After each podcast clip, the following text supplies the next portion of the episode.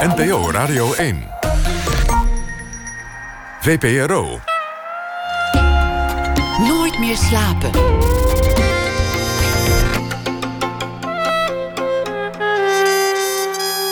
Met Pieter van der Wielen. Goedenacht en welkom bij Nooit meer slapen. Tips voor aanstaande vaders. Meestal kom je dan in een wat zijig circuit terecht. Dus besloot rapper en woordkunstenaar Marco Martens het zelf maar te doen. Hij is sinds kort vader. En uh, hij heeft een EP gemaakt. Morgen zal ik thuis zijn. En een podcast over het vaderschap. Hij is hier na ene. Dan bellen we Hans van Manen, choreograaf... die vanavond in Parijs een prestigieuze onderscheiding kreeg uitgereikt. Uh, in Montpellier was het uh, trouwens. En hij is zo meteen aan de telefoon. Het is een uh, onderscheiding die hij deelt met grootheden als U2 bijvoorbeeld. We beginnen komend uur met Naomi Felisariou. Ook zij krijgt deze week een chique prijs toegekend, de Coder Theater Award. En is theatermaker, actrice, geboren en getogen in Genk in Belgisch Limburg. Haar vader was Grieks, haar moeder was Belgisch. Ze ging naar de toneelschool in Maastricht en ze was onder meer te zien in de speelfilm Out of Love en binnenkort in de film Cobain. Ook toneel heeft ze veel gemaakt. Mr. Jones, A Tragedy en The Truth About Kate. En dit jaar nog de voorstelling Sontag, geïnspireerd op Susan Sontag. Volgens Felisario schreef ze, althans in een essay, is dat een oproep om weer te durven falen. Naomi Felisario werd geboren in 1984. Welkom. Hallo, dat klopt. Gefeliciteerd met, met, met, deze prijs. Dank je wel. De, de eerste onderscheiding in, in velen, durf ik wel te voorspellen. En anders hopen we het gewoon. Ja, wie weet. Geen idee. Je bent geboren in, in, in, in Genk. Vertel eens over Genk. Wat is het voor plek? Uh, Genk is een, een, um, een, het is een hele leuke uh, multiculturele stad. Een, een, een mono-industrie noemen we dat ook wel eens.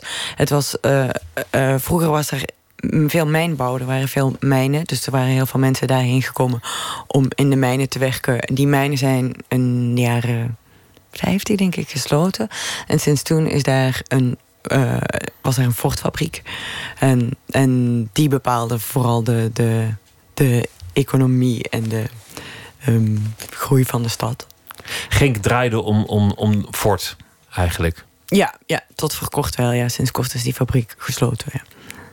Jouw opa die, die eh, kwam in Genk vanwege de, de mijnen. Ja. Jouw vader werd geboren in, in Griekenland. Maar ja. kwam later naar, naar, eh, naar Genk toe en kwam te werken bij Ford. Yes. En daar leerde hij jouw moeder kennen. Ook een, ook een, een Ford-meisje. Uh, nou, dat is een heel andere vraag. Daar, daarvoor zou je mijn ouders moeten, moeten Hoe interviewen. dat precies zat, dat weet je niet. nee, dat, dat, is niet, uh, dat is niet iets voor dit interview. Hoe dat precies niet is voor, gegaan. Niet voor dit moment niet relevant. Maar je hebt, je hebt zelfs gezegd, als je, als je door, door Genk reed in een Audi... dan was het een soort landverraad. Ja, ja, dat is wel zo. Ik heb nu mijn eerste auto en dat is een. Uh, en ik heb een oude Mercedes gekocht. En dat voelt toch altijd een klein beetje als verraad, inderdaad. Ja. Omdat ik wel echt ben opgegroeid met, met, uh, met uh, Ford. De Ford-cultuur en, en. De Ford Sierra, de Ford Mondeo, de Ford Focus. Ja. Het, het hele werk. Welke, welke rol speelde Griekenland nog in, je, in jouw leven? Hoe Grieks waren jullie thuis? Uh, nou ja, uh, mijn vader die spreekt natuurlijk Grieks. En die, die heeft Grieks tegen mij gesproken toen ik klein was. Dus, dus ik ben tweetalig opgevoed in die zin. Ik sprak eerst Grieks en dan Nederlands. Dus, dus in die zin heb ik het nooit hoeven leren. Maar de woordenschat is wel voor een groot stuk weg. Ik merk altijd als ik aankom in Griekenland, als ik op vakantie ga... zodat het dan heel lang duurt eer dat ik weer uh, op alle woorden kan komen... die ik onbewust wel ken. Maar je gaat er wel nog heen in de zomer? Ja, zeker, zeker, ja. ja. Dus, dus er is er toch, een, toch een soort gespleten uh, uh, nationaliteit. Je voelt je wel een beetje Grieks misschien? Nou ja, het is gewoon heel leuk om, om, uh, om zo, zo'n taal te kennen en zo'n cultuur te kennen en om daar met vakantie te gaan. Maar ik voel me, ik voel me niet gespleten als ik hier ben of zo. Ik voel me, bedoel, ik ben in Nederland en ik ben in Belg, maar in die zin is identiteit niet zo. Geen of, of, geen, ja, of mijn, mijn, nationaliteit is voor mij niet zo identiteitsbepalend. Of zo. Niet iets ingewikkelds is het voor jou? Nee, helemaal niet. Nee, nee. En het zou ook aanstellerij zijn om te doen alsof het mijn werk beïnvloedt. Of mijn, want dat is eigenlijk niet zo. Het is gewoon leuke bijkomstigheid. Heb je, heb je een leuke jeugd gehad? Zou je, zou je dat zeggen? Ja, zeker. Ja, ik heb een hele leuke jeugd gehad. Waaruit bestond die? Uh, goh ja, waar iedereen zijn jeugd uit bestaat, denk ik. Naar school gaan. En, uh, nou, ik, heb, ik ben wel gepest. Ik ben wel, wel gepest in de lagere school. Dat, is, dat was wel minder leuk.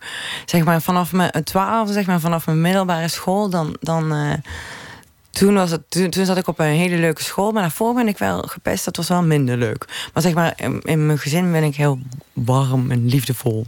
Weet je waarom je werd gepest? Of, of, of was het gewoon omdat ze, dat ze jou uitkozen? Nee, daar ben ik nooit achter gekomen. Daar ben ik nog steeds eigenlijk wel benieuwd naar. Of, of ja, dat was elke week wat anders. Maar er moet wel ergens iets aan ten grondslag hebben gelegen. Of niet? Ik weet niet, ik was de nieuwe. Dat was wel. Ik, ben, ik was denk ik in het tweede studiejaar. kwam ik pas op die school. Dus dat wordt nooit. Dat is niet leuk voor. Uh, of dat, dat, dat wordt je niet in dank afgenomen als. Wat is het, achtjarige? En. en nou, ik had hele goede punten, daar werd ik ook wel mee gepest. Het waren echt hele kinderachtige dingen. Of met mijn kleren, of met dingen die gewoon echt niet... Met hoe ik zwom. ja, gewoon onzin. Ja. ja. iemand moet gepest worden en jij was het toevallig. Je, je ging veel naar, naar, naar dans, naar ballet in, in, in Genk. Ja, ik heb 14 jaar klassiek ballet gedaan, ja ook daar merk je nog weinig van, denk ik, als je mij, als je mij nu kent of mijn werk zou zien. Maar ik vond dat wel ja, ik, wil, ik denk, ik, ik wilde tot op zekere hoogte wel, wel een danseres worden, denk ik. Tot ik, tot ik politica wilde worden en dan weer non wilde worden. En dat, dat switchte wel regelmatig. Zoals dat bij jongetjes is, uh, brandweerman, straaljager, piloot. En uh, ja.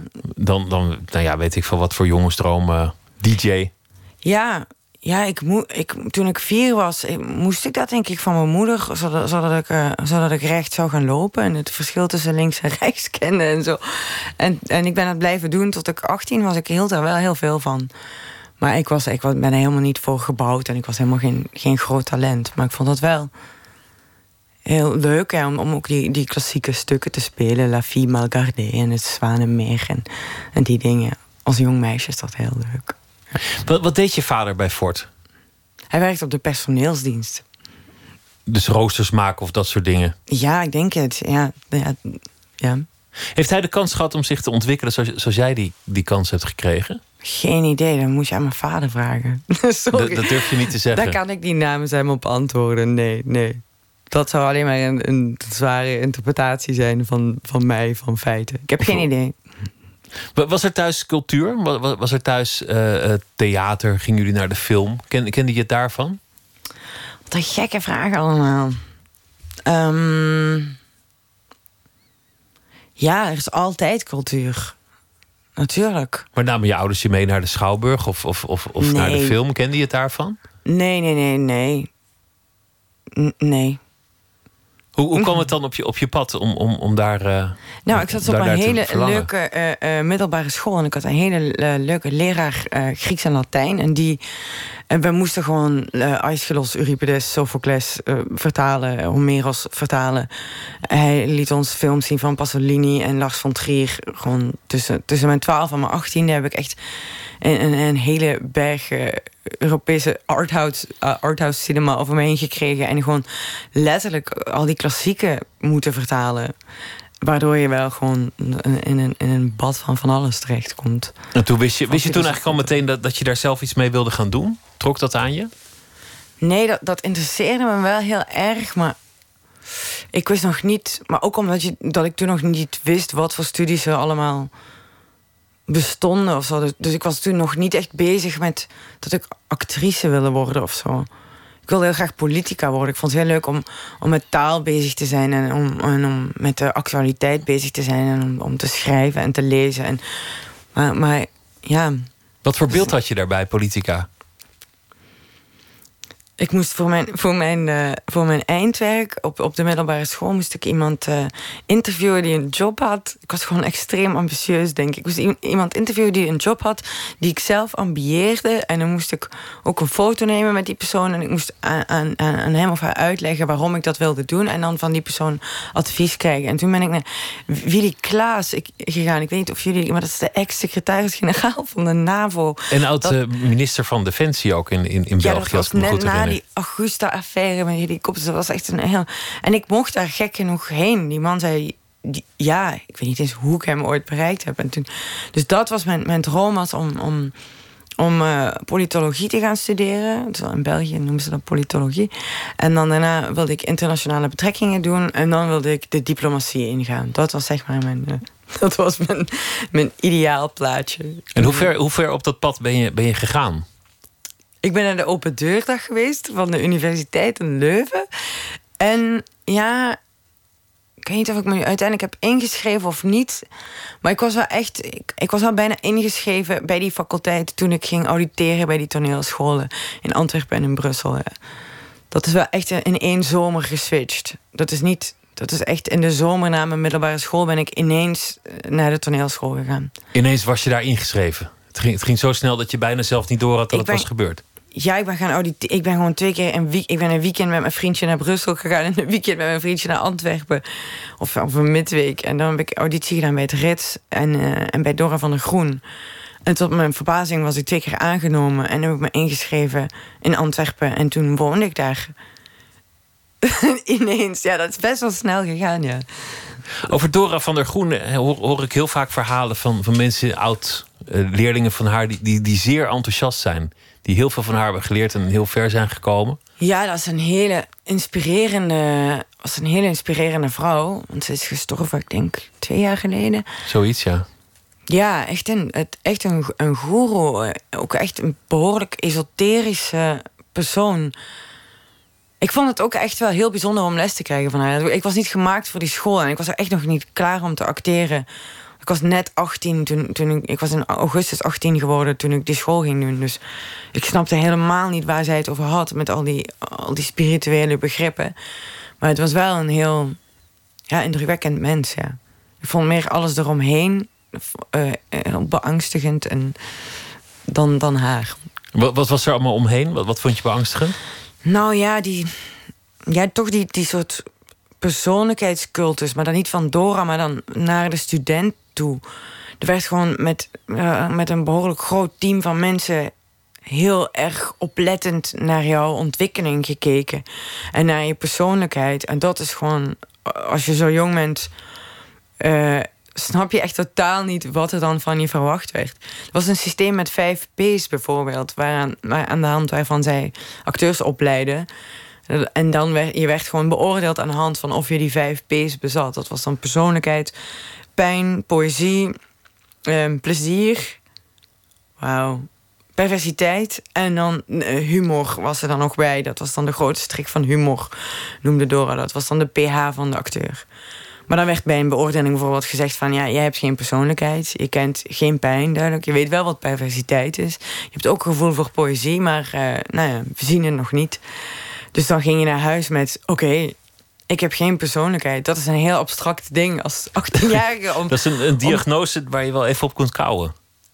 Ja, hoe ga je daaraan werken? Ja, ik vind dat ook niet echt een interessante manier om met een acteur om te gaan. Los van het feit dat, dat Dora heel erg inspirerend is en hoe haar lessen waren. Maar, maar om, om iemand daarop te beoordelen. Ik maak het nu ook veel simpeler dan het was hoor. Er zijn ook heel veel andere criteria. Maar wel, alles was wel behoorlijk esoterisch. Nu snap ik het als ik eraan terugdenk. Maar want het zijn ook dingen die je moet hebben als een acteur. Maar toen als werkpunten of zo. Nou, en als je er als je redelijk vers erin komt en, en uh, vrij snel de beslissing hebt genomen, dan, dan lijkt het me inderdaad vrij. Ja, vrij ik kwam heftig. echt van inderdaad een, een, een katholieke meisjesschool in uniform mm, bij Dora van der Groen terecht. En toen gingen mensen kijken of ik wel wist wat pijn was. Natuurlijk wist ik niet wat pijn was en had ik geen persoonlijkheid. Ik was gewoon een, een, een simpele 18-jarige. Wat vonden ze er thuis van dat je ging acteren? Hebben ze je dat ooit verteld? Uh, ja, dat vonden ze wel. Dat vonden ze in het begin wel moeilijk. Ja, dat was wel. Ja, ze hadden zich wel verheugd, denk ik, op dat ik die universiteit ging doen. Omdat ik altijd goede punten had en mijn ouders heel, heel trots op me waren hadden ze zich denk ik wel er toen op verheugd dat ik dan een universitaire carrière ging hebben en, en, en, en een. Nou ja, dat. Of ja, een universitaire diploma en een, en een carrière. Dus toen, toen schokken ze wel of zo. Omdat mijn moeder dacht ook van... dat is best wel een harde wereld waarin je dan ineens voor kiest om daarin te gaan. Omdat ik behoorlijk beschermd en liefdevol ben opgevoed ja, weet ik wel dat ze dat, ze dat, dat ze dat niet helemaal snapte in het begin. Dat heeft wel even geduurd. Maar uiteindelijk ben ik universiteit gaan doen daarna. En toen, toen waren mijn ouders denk ik gerust dat ik dan een universitair diploma had. En toen de tweede keer, toen ik... Want ik heb vijf jaar universiteit gedaan na die twee jaar door van de Groen... en dan later opnieuw een toneelschool. En toen waren ze, wel, toen waren ze er wel oké mee. En dat was Maastricht, de tweede keer? De tweede keer was Maastricht, ja. ja. Ook niet ver van Genk? Nee, ja, dat was inderdaad terug naar, uh, naar Limburg, maar dan naar Nederlands Limburg. Ja, ik had daarvoor zeven jaar in Antwerpen gewoond. En toen ging ik terug naar Limburg. Ja. Opmerkelijke beslissing als je al een, een universiteit hebt afgerond en je, je, bent ooit begonnen in toneel, maar je hebt je toch niet doorgezet om dan, om dan toch nog die toneelschool te gaan doen. Hoe, hoe kwam dat? Ja, eh, na die twee jaar door dacht ik, toen wilde ik, was ik zo onzeker dat ik dacht: als ik op deze school blijf, dan ga ik nooit meer durven spelen. Ik denk dat ik daar toen ook wel gelijk in had. En toen was ik van plan om, om dan eventjes een sabbatjaar op de universiteit te doen. En dan, omdat ik dacht, dat is tenminste eerlijk. Als ik hard werk, krijg ik goede punten. Dat is gewoon zoals in de middelbare school. Niemand gaat kijken naar wie ik ben en wat ik voel. En, en of dat allemaal wel snor zit. Ik kan gewoon studeren. En toen, na één jaar, werd dat drie jaar. Want mijn getuigenis bleef geldig bij Dora van der Groen. Dus ik kon na drie jaar nog teruggaan. Dat was het eerste jaar van de bachelor-master structuur. Dus toen had ik een bachelor gedaan. Maar na die bachelor dacht ik, ja, als ik nou nog één jaar doe, dan, dan heb ik een universiteit diploma. Dus het is ook echt stom om dan niet die master te doen. Toen ging ik die master doen en toen werd ik gevraagd voor een, voor een voorstelling. Dus toen ben ik gestopt met de universiteit. En mijn laatste jaar ben ik gaan spelen. Na die voorstelling dacht ik, ik ga nooit meer spelen. Dus toen heb ik een extra jaar op de universiteit gedaan... met als doel om zo hoog mogelijke score te hebben... om daarna te kunnen promoveren. En toen dat gelukt was, dus na mijn thesisjaar zeg maar toen werd ik ineens al bang. Ik dacht, dan moet ik dus nu nog minstens vijf jaar met mijn benen onder tafel zitten en in bibliotheken. En ja, ik dacht, ik, ik, heb te, te veel impuls. Ik kan, nooit, ik, ik kan dat nooit volhouden. Of zo, dat, dat cerebrale leven. Dus toen ben ik eh, terug naar de toneelschool gegaan. Achteraf gezien, denk ik, denk ik een fantastische beslissing. Ja, ja, ja. Maastricht was echt het was een drie jaar durend verjaardagsfeest. Zo voelde dat. Het is dankzij Halina Rijn dat ik in Maastricht terecht ben gekomen. Die kende ik toen toevallig. En ik dacht van, ik wist, niet, ik wist toen niet hoe bekend zij was in Nederland. En ik dacht, zij heeft een chill leven. Ik ga haar vragen waar zij op school heeft gezeten. Toen zei ze Maastricht. Zij heeft toen gebeld met de school tot ik, tot ik daar op auditie mocht komen. Dat was super lief. En toen was het drie jaar lang feest. En de rest is, uh, is uh, nou ja, geschiedenis is ook weer een nog, groot woord. Nog lang niet.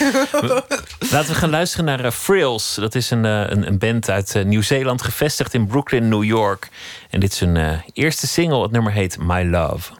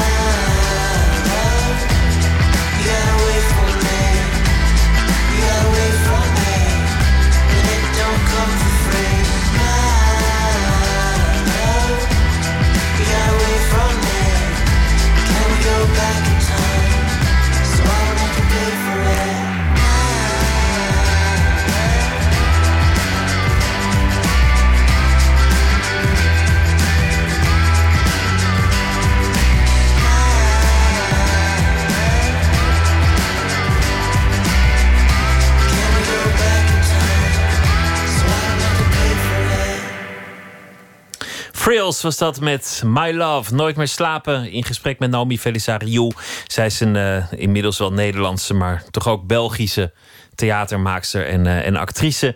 En ze krijgt eh, deze week de Keulerprijs uitgereikt vanwege haar voorstelling Sonntag. Ik las vanochtend in de New York Times een, een, een, stuk. En ik weet eigenlijk niet waarom, waarom ik het deel, maar ik vond, ik vond, het zo, grappig. Dat was een, een, een, een sheriff in een, in een stad, een politiecommissaris. En iedereen kende hem, een hele nette, rechtschapen man. En die, die, die, die kreeg een tumor in zijn hersenen en die werd geopereerd. Alleen de chirurg die nam per ongeluk iets te veel van, van zijn hersens mee. En er was iets in zijn karakter veranderd. Vanaf het moment dat hij terugkwam, was het een, was het een ontzettende hufter geworden. Terwijl hij altijd heel beleefd was. En had zijn Facebookpagina helemaal volgeklodderd met racistische en haatdragende slogans. En was zijn baan kwijtgeraakt. En waarom hij nu in de krant stond, was dat hij de bank had overvallen, maar zonder masker. En onder zijn eigen naam. En iedereen kende hem, want hij was de politiecommissaris geweest. Dus hij kwam gewoon de bank binnen en hij zei: Ik eh, kom de boel overvallen. En mijn naam is eh, Jack of Bill, of ik weet niet hoe die heette. En eh, wie doet me wat?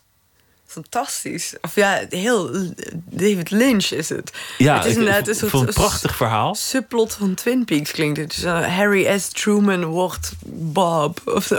Maar om, om, het, om, om het razende cliché er maar gewoon meteen achteraan te plakken. Ik, ik, ik dacht wel, weet je eigenlijk ooit echt wie iemand is en wie je zelf bent? Ik bedoel, één, één chirurg met een scalpeltje die, die net een millimetertje te ver gaat. En je, je bent niet meer wie je dacht dat je was. Nee.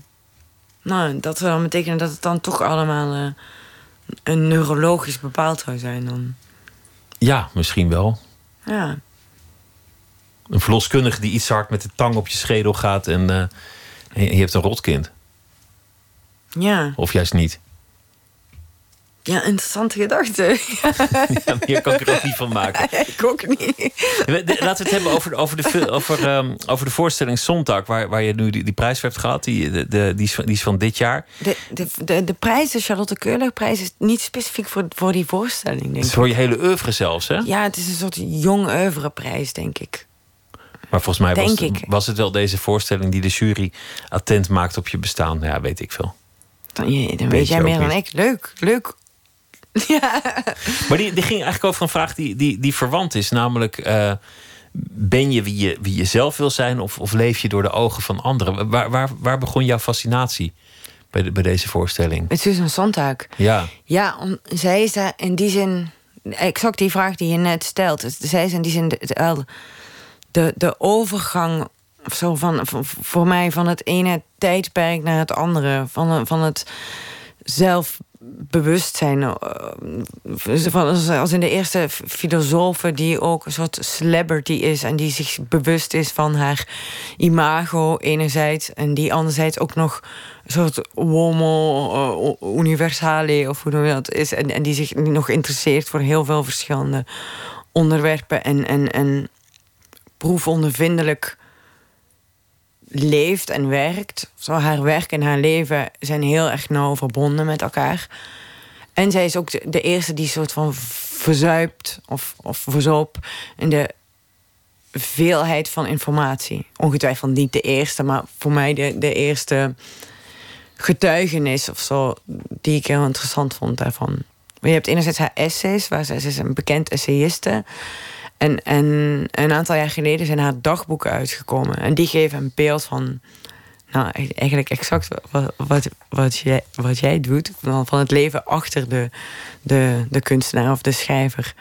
En dat is inderdaad wel heel interessant, want dan, want dan kom je erachter Ehm, Wie zij was, waar, waar, waar eigenlijk was. niemand, niemand ooit zo makkelijk achter kwam. Je, Nee. je, ik, ik kende het door jou, omdat jij eraan gerefereerd had in een eerder interview in, in dit programma. Zij, zij werd geïnterviewd door een, eh, door een van de New Yorks programma, of een, van een Amerikaans programma, een ja, hele ja, ja. host. Dat is beroemde host. Leiden, ja. En, en het was, was, was een, een fenomenaal lekker stroef interview. Mhm. En eigenlijk heeft, heeft zij op geen enkele vraag antwoord. Want, want hij, hij stelt gewoon van die, van die lekker grote vragen als... eh, Mhm. hoe moet het verder met de toekomst van de democratie? En zij heeft de neiging om over, over alles werkelijk na te denken... en komt er dus ook helemaal niet uit.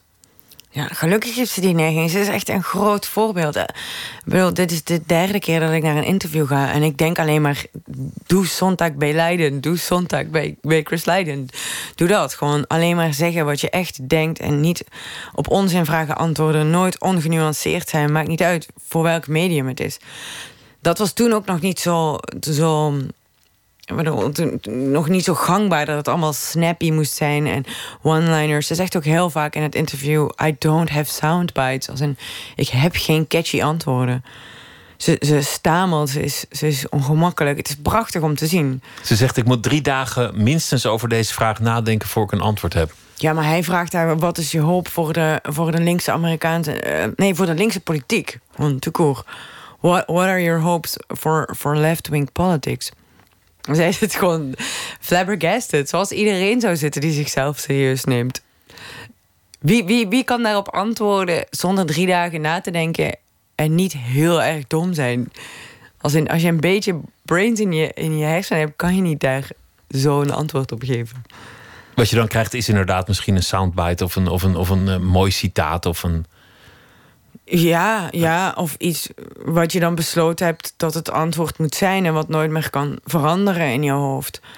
Maar bij haar is het, ze twijfelt fundamenteel aan alles wat ze heeft gedacht en geschreven. En, wat, en dat maakt haar tot een, tot een hyperbewuste, hypersensitieve, hyperintellectueel en doodongelukkige persoon. Maar wel iemand die, als ze iets zegt, dat is dan voor mij wel waardevol.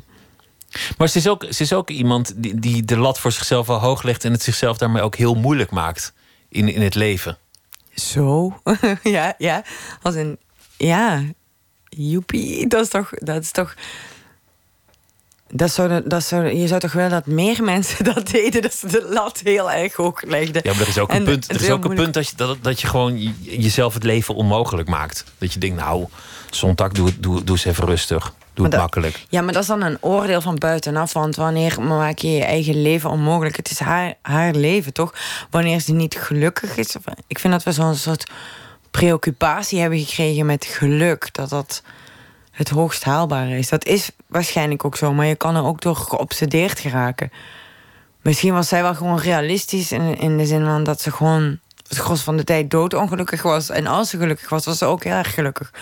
In die dagboeken merk je ook dat ze heel vaak heel erg verliefd is. En extreem veel verwondering kennen over dingen waar wij allemaal zo aan voorbij zouden gaan.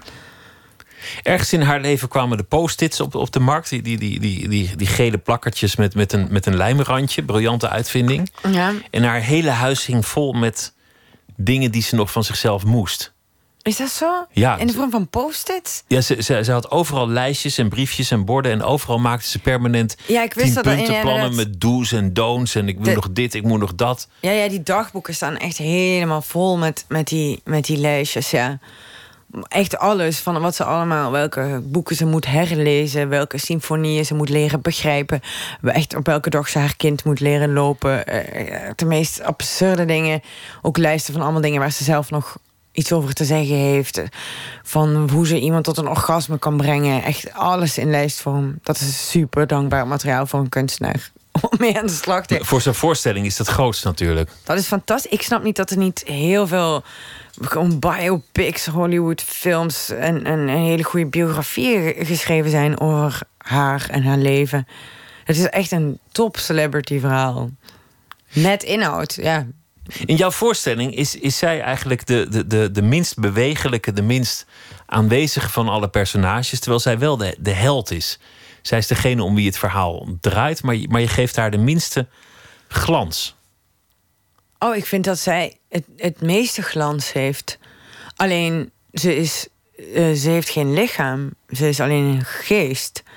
Dus ze, ze staat stil, maar, maar ze staat fysiek stil. En haar, omdat haar geest zo snel gaat dat ze bijna niet meer kan handelen. En alleen alles wat ze zegt heeft invloed op de hele wereld rondom haar. Het maakt alleen voor haarzelf geen verschil. Zij zit gewoon en praat. En de ene keer zegt ze dit en de andere keer zegt ze dat. En de, de twee andere personages in het stuk, die nemen alles ter harte en passen hun hele leven aan aan wat zij zegt. Dat is een beetje een soort ja, metafoor voor wat er met die essays ook is gebeurd. Die, essays zijn een soort. Ja, dat zijn nog steeds soort reliquieën van, van Susan Sontag. Als je een beetje een, een, een hu- hu- huma- humanistische opleiding volgt, dan krijg je altijd op een bepaald moment on photography of against interpretation een van die bekende essays voor je kiezen. En dan. En zij vond dat verschrikkelijk, want dat hij echt mee gedweept. Terwijl zij schaamde zich. Die dingen waren uit de jaren 60, die waren in de jaren 80 al zwaar verouderd. Die waren al vijf jaar na het schrijven voor haar zwaar verouderd. En die worden tot nu beschouwd als het belangrijkste werk over fotografie ooit geschreven. Dus dat, dat is een beetje. Ja, als iets haar lukte, dan nam ze daar ook wel meteen afstand van. Omdat dat voor haar stilstand betekende in haar denken.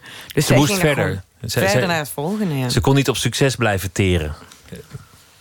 Nee, want dat succes was veel te oppervlakkig voor, voor de, de poging die erachter stak. Wat ze probeerde was altijd veel groter dan dat wat ze kon bereiken. Wat ze probeerde was gewoon de hele wereld te begrijpen. En uit te leggen aan de mensheid of zo. Is, is het ook daarom dat je in het essay schreef dat, dat, dat die voorstelling een betoog is om weer te durven falen?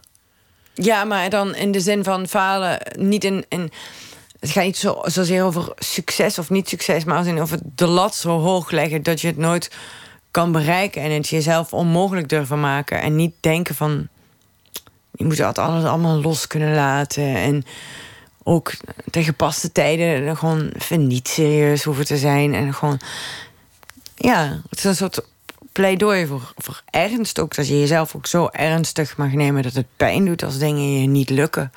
Dat je niet altijd coulant en, en ehm, weet ik veel, ironiserend en zelfrelativerend hoeft te zijn. Je hoeft niet altijd leuk te zijn in de ogen van anderen. Nee, ze was helemaal niet.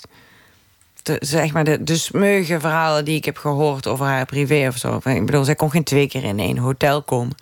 Mensen vonden er overal een totale bitch. Maar ja, maakt niet uit, want het was de, eh, eh, ja, ze was met iets totaal anders bezig dan leuk gevonden worden.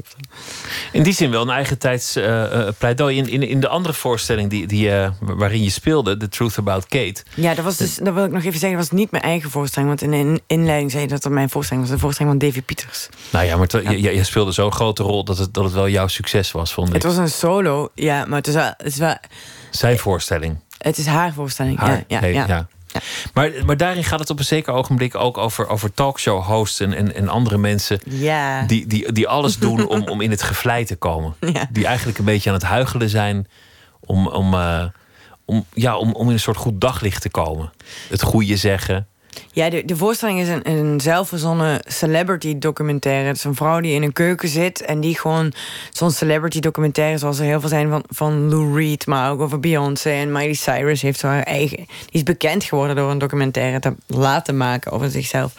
En dat is wat zij doet. En daarin komt alles, alles passeert de revue van drugsverslavingen, boyfriends, inderdaad, haar jeugd, alle clichés, de, de televisiehosts die daar haar vragen over stellen, haar vrienden bevragen. En het gaat inderdaad allemaal over die, die image building. En, dat, en daar zijn, en, ja, volgens mij De Wereld Rijdt Door en Royalty. We hebben heel veel van die, van die ook Nederlandse, heel veel SPS6 shit ook gekeken. Voor die, ehm, shit, ik zei shit. Oeh, nog een keer. zit, het, is, het, is, het is half één. Iedereen, oh, dan mag eh, dat, ja. iedereen die dat niet kan hebben, is al naar bed. Voor die, voor die, ehm, voor al die personages die in, in die voorstelling de revue passeren. En dat was superleuk, ja, inderdaad. Matthijs van Nieuwkerk was een van die, van die eh, personages. Ik heb mezelf leren spreken zoals Matthijs van Nieuwkerk. Ik kan het niet nu voordoen. Ik ging het je niet Ik vragen. kon, ik kon, het toen, ik kon het toen wel op commando. En, dat, en de droge Vlaamse variant. Je hebt een Nederlandse hele vlotte presentator die heel veel nadruk legt op de onbelangrijke, maar toch sensationeel klinkende adjectieven. de ongelooflijke dat. en dan de naam van de persoon onuitspreekbaar, eh, eh, onverstaanbaar erachteraan achteraan zeggend. En dan heb je de Vlaamse presentator die heel serieus, heel rustig alle tijd neemt om helemaal in de inhoud te gaan met iemand. Waar elke Nederlander van in slaap zou vallen, denk ik. Dat was een heel leuk onderzoek daar, inderdaad, naar hoe jullie spreken. Wat, wat eigenlijk de cliché... Ja, jij kan heel goed Nederlands. Dank u. In die voorstelling doe je dat ook. En dan, dan spreek je echt verschillende accenten Nederlands. En, en echt, echt feilloos. Ja, ja, ik heb heel veel televisie gekeken voor die, voor, voor die voorstelling. Op basis van imitatie kan je een heel eind komen. Maar wat je eigenlijk doet als je zegt... de geweldige, fantastische, grote, eh, onvolprezen Naomi is hier te gast... Ja. Dan, dan, dan zeg je ook een beetje... dan maak je ook je eigen programma wat belangrijker. En daarmee jezelf. Het gaat niet alleen maar over degene op wie je de schijnwerper richt... maar ook over degene die je me richt. Dus, dus je creëert een soort bubbel van, van vermeende glamour... waar je zelf deel van uitmaakt. Ja, tuurlijk. Omdat je ook zelf je... Je wil zelf de dramaturgie doen van je show. Van je, van je interviewprogramma, je radioprogramma of je televisieprogramma. Dus je moet leren regisseren ter plekke. Je moet kunnen sturen. En daarvoor moet je ego ook groot genoeg zijn. En je moet jezelf serieus genoeg nemen om dat te kunnen doen. En je moet ten alle tijde geïnteresseerd zijn in de persoon die tegenover je zit, namelijk je praatgast. En je ziet dat, dat, dat de goede presentatoren een mix van die beide hebben. Matthijs van Nieuwkerk is altijd heel goed in zichzelf positioneren ten aanzien van het interview dat hij afneemt. En hij is ook, lijkt ongebreideld geïnteresseerd in alles wat voorbij komt. Maar het is natuurlijk ook allemaal de- demagogie. Alle, alle televisie, alle um, radio wellicht ook. Jij zegt het. Ja, ja vind, nee, ik vind dat wel. Als, je, als jij van iemand zegt, oh, dat wat een aardige man... Ja, dan is dat een goede, dan is het een goede programmamaker. Ja, Maar ik ja. wil niet zeggen dat het ook een aardige man is natuurlijk. Ik bedoel, hij heeft jou doen geloven dat, dat het een aardige man is. Dat is zijn taak. Bedoel je de, de interviewer? Ja, of, of wie dan ook. Wie dan ook die op, op tv verschijnt. Politici hetzelfde. Het is, het, het is gewoon werk en techniek om een ander te doen geloven dat je iets bent. Ja, dat is wat theater is. Dat is er zo interessant Hetzelfde. aan. Het is hetzelfde. Ja, dat is er zo in- in- interessant aan. En dat het, dat het alsmaar meer de werkelijkheid incijpelt. Dat onze dagdagelijkse werkelijkheid ook bepaald is door dat soort mensen en dat soort ja, narratieve of dramatische patronen. Dat is heel interessant. Als voor iemand, mij als iemand hoog spreekt, dan denken ze: oh, nou, die, is- die, is, die is bang. Als die laag spreekt, oh, die heeft controle. Ja, en ik, ik heb echt vaak gedacht dat ik, in, dat ik een soort trainingen zou willen geven aan, aan media-persoonlijkheden of aan, eh, of aan reclame, reclamemakers of zo. Van hoe je kan spreken zodat het klinkt alsof je de waarheid zegt. Er zijn namelijk echt allemaal trucjes voor. Nog los van je mimiek kan je spreken alsof je de waarheid zegt. Maar het is, het is ook als je, als je zeg maar zo'n tafeljongetje of tafelmeisje bent in zo'n talkshow. Je, je draagt de goede kleren, je eet in de goede restaurants. En je, je meet jezelf de goede mening aan. Ja, En dan ben je een goed mens. Maar het is natuurlijk dat is allemaal. toch iets anders. Dat is een, dat is een soort sociaal... eh, Ja, maar dat, dat, is, dat is wat het steeds meer geworden is. En, en daarom, daarom vind ik dat betoog wat jij hebt over, over Sontag wel interessant. Die, die, die doet het niet voor anderen, waardoor je eigenlijk bij een puurdere waarheid komt. Een puurdere ethiek dan alleen maar een soort modieus statement van: kijk, ik zeg het goede, nu ben ik goed. Ja, ja, dat is fantastisch. En, en dat gaat ook niet over authenticiteit of zo. Dat gaat, dat gaat gewoon inderdaad over de lat heel hoog leggen. En gefocust blijven op, op eh, waar je het over wil hebben. Gewoon op de inhoud. Dan alle tijden gefocust zijn op de inhoud. Maar dat is echt het, het moeilijkste dat er is. Als je kijkt naar de, de YouTube-comments die onder dat filmpje uit, weet ik veel, 1995 of zo staan. 92. 1992 staan. Nu, dan zie je ineens... Dat, dat zijn echt walgelijke dingen die daar nu onder... Zij wordt echt uitgescholden voor rotte vis, voor stinkdier, voor antisemiet, voor... Dat je denkt, hé, mensen zien dat nu en denken, wat een arrogante bitch. Terwijl, als ik daarnaar kijk, denk ik, ik zie gewoon echt een soort pure zoektocht naar waarheid en schoonheid. Maar, van hoe, kijk je dan, hoe kijk je dan tegen deze tijd aan? Waar, waarin, waarin het steeds belangrijker is om, om een goed voorkomen te hebben via je, je Instagram en je, en je Facebook. Ik vind het altijd leuk om de, om de denkoefening echt te proberen maken van, van het optimisme daarin, van het vooruitgangsdenken. Dat je probeert om alle mogelijkheden daarvan in te zien. Dus alle kansen die dat met zich meebrengt, dat je dus zo makkelijk van masker kan wisselen en dat je ja, dat je je identiteit. eh, eh, eh, dat er zoveel manieren zijn om dat narratief te maken van je leven. Dus om, om, om het niet te veroordelen of aan te kaarten in je werk, maar gewoon het mechanisme te laten zien. En, en, en in theater kan je zo'n mechanisme tot het uiterste drijven zonder dat iemand je ervoor straft. Dus ik heb bijvoorbeeld een voorstelling gemaakt, Intervention, waarin ik zo'n televisiehost ben die een interventie, dus een live on stage interventie pleegt op mijn beste vriend is dat. Die is ook acteur, maar het is ook mijn beste vriend. En die dus die persoon die helemaal niet zo'n hippe, vlotte mediapersoonlijkheid heeft, van zichzelf gaat leren hoe hij dat wel kan worden. Dus zonder dat te veroordelen, zeg maar, het, het, het, hoe moet ik het zeggen, het slikken standpunt. Even kijken hoe ver je kan gaan en of het je ook echt iets kan brengen. Om die perverse logica gewoon tot het einde door te voeren. Maar je vertelde net zelf dat, dat het voor jou ook een worsteling is, want je maakt, je maakt voorstellingen. En, en daar doe je dan maanden en maanden over. En, en die maak je zo goed mogelijk over een thema dat jou bezighoudt. Maar dat je dan ook moet verschijnen en ook een soort persoonlijkheid wordt. En, en daar, daar heb je ook soms, meen ik te proeven, een soort weerzin tegen. Ja, op de vloer is dat natuurlijk heel erg leuk. Want daar kan je iedereen zijn die je wil zijn. En je hebt dan inderdaad zelf maanden op voorhand bepaald welke identiteit je nu weer eens gaat construeren. Maar er wordt inderdaad vaak verwacht dat je daarnaast ook, ja, moet ik zeggen, dat je entertainend blijft. Bepaalde dingen die je doet worden gekaapt of zo als politiek statement. Zo, zo, zo, zoals ik het moeilijk vind als jij eh, de hele tijd over mijn- afkomst wil vragen, omdat je wil een label op me plakken wat iets zegt over mijn werk. Terwijl, omdat je wil iets zeggen over mijn identiteit en dat zegt iets, ook iets over mijn werk. Maar dat vind ik dan niet zo interessant of zo. Want dan moet je namelijk inderdaad de hele tijd ja, bepalen wie je bent en dan ligt dat vast. Ik vind het leuker om altijd te kunnen spelen wie ik ben. Om ook in een interview te doen alsof ik. Je bent bang om een soort, ben. soort verhaal te worden. Ja, een soort politiek, een wandelend politiek verhaal of zo. Of een bewijs van iets. Dat is, dat is een ding van deze tijd. Dat is gevaarlijk om, om te zeggen of zo. Maar dat een aantal dingen zijn zo belangrijk of zo aanwezig in thema's diversiteit of zo. Daar moet je het over hebben. Maar het gevaar is dat het wordt omgedraaid en dat alles zo'n thema mo- moet worden. Terwijl sommige dingen zijn ook gewoon random. Niet zo belangrijk, of, of gewoon een gegeven, of speelt misschien geen rol in wie je nu bent. Of, eh, Ja, Al dat sommige soort dingen. dingen zijn niet, niet politiek of, of, of zijn niet symbolisch.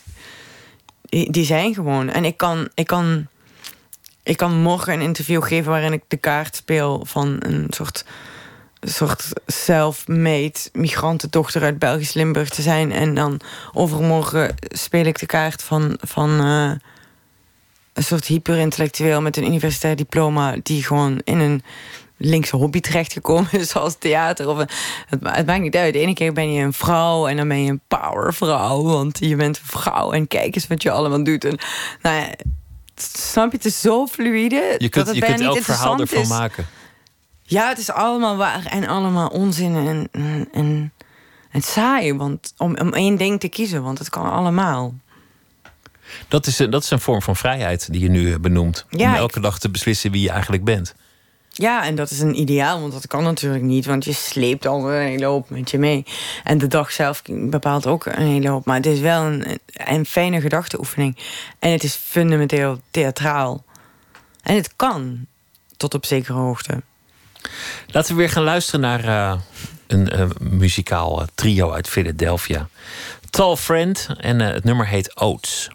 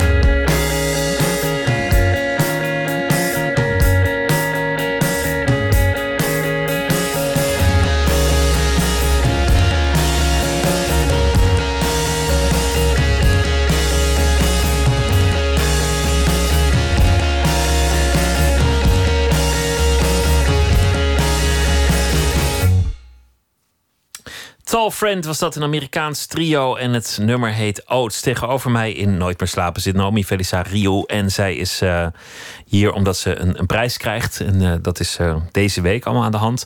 We begonnen in Genk, waar je opgroeide. Een, een stad die draait om de, de Ford-fabriek. Wie rijdt in een Audi in Genk, die heeft vijanden voor het leven. Zelf voelde je ook schuldig als je een Mercedes kocht omdat je toch bent opgegroeid in een, uh, in een, in een fort uh, gezin. Nou, je ouders moest ik niet vragen. Dat moest ik ze dan maar lekker zelf vragen. En later legde je uit dat dat ook is omdat dat je geen verhaal wil worden. Je wil niet worden afgeschilderd als een migrantendochter die je toch maar mooi gered heeft. Net zo min als dat je wil worden afgeschilderd als een academisch gestudeerd iemand die terecht is gekomen in een linkse hobby. Laat het vrij zijn. Laat het toch gewoon een keer per moment beslissen. En zo kwamen we terecht bij Sontag Zondag een vrouw die, uh, die, die streefde naar iets hogers. En daarom weigerde in een interview soundbites af te geven aan degene die uh, toevallig de vragen stelde. En dat, dat inspireerde jou om een voorstelling over haar uh, te maken. Het, jezelf serieus nemen, het, het, het beste uit jezelf halen. En daarmee niet altijd een publiekslieveling te hoeven zijn. Niet altijd te leven in de ogen van anderen. Daar ging het over. Ja. En toen kwamen we in een soort meta-interview-achtige situatie terecht. Ja, Volgens leuk mij. was dat. Ja. Dat, dat we ons, ons eigen interview gingen bespreken terwijl we er nog in zaten. Heel, heel verwarrend allemaal. Ook, ik vind het eigenlijk gek. Heb je dat niet heel vaak? Nee.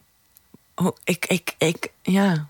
Ik vind het zo moeilijk om dit te doen zonder de hele tijd meta te gaan. Zonder uit jezelf te treden en jezelf eigenlijk van bovenaf hier te zien zitten. Ja, maar dat, doen we, dat doet toch iedereen die hier aan, aan- aan de microfoon tegenover jou zit, doet het in zijn hoofd. En jij doet het ook in je hoofd. Het is zoveel lekkerder om het dan allemaal uit te spreken. Ja, daar heb je misschien ook wel een keer gelijk in. Als je het elke avond zou doen, zou het misschien vermoeiend worden. Ik weet het Weet ik niet. eigenlijk Vraag- Moet jij luisteraars Kunnen dat ja. Ik heb de, de, de, de film gezien, Out of Love, Ja. die, eh, de, eh, waar jij in speelde. Een, een, een film over een, eh, een, een verliefd koppel en, en die niet de meest gezonde relatie hebben, denkbaar. Mhm. Het is heel makkelijk om verliefd te worden. In, in, in één minuut is het gebeurd, misschien wel in een seconde. Maar om, Mhm. om er weer uit te komen, dat is eigenlijk het ingewikkelde in die film. Het was een, was een tamelijk heftige rol voor jou, denk ik.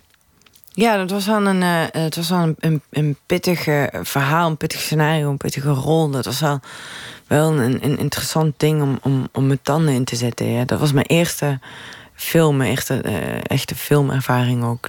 Ik ben echt heel blij dat dat mijn eerste film was. Het was van eh, Paloma Aguilera Valdebenito. Dat is een, eh, een jonge, half Chileense regisseuse. En nou ja, ik had dat scenario gelezen en ik dacht, of, of ik ben dat personage, ik moet het spelen, het gaat echt over mij. Of deze vrouw is zo briljant dat ze een film heeft geschreven waarvan iedereen denkt dat het over hemzelf gaat. Het is hem natuurlijk een mengeling van beide. Het is zo universeel, want ze heeft zo'n oog voor het detail en voor de kleine lelijke dingen in de mens, in de liefde. Ja, daar, daar hield ik heel erg van. Het was ook wrang en, en, en pijnlijk. Die Ja. mensen die, die, die willen elkaar bereiken, maar die kunnen niet tot elkaar doordringen. En dan maar elkaar pijn doen. Elkaar, elkaar kwetsen op, op alle mogelijke manieren om toch maar door te dringen tot die ander.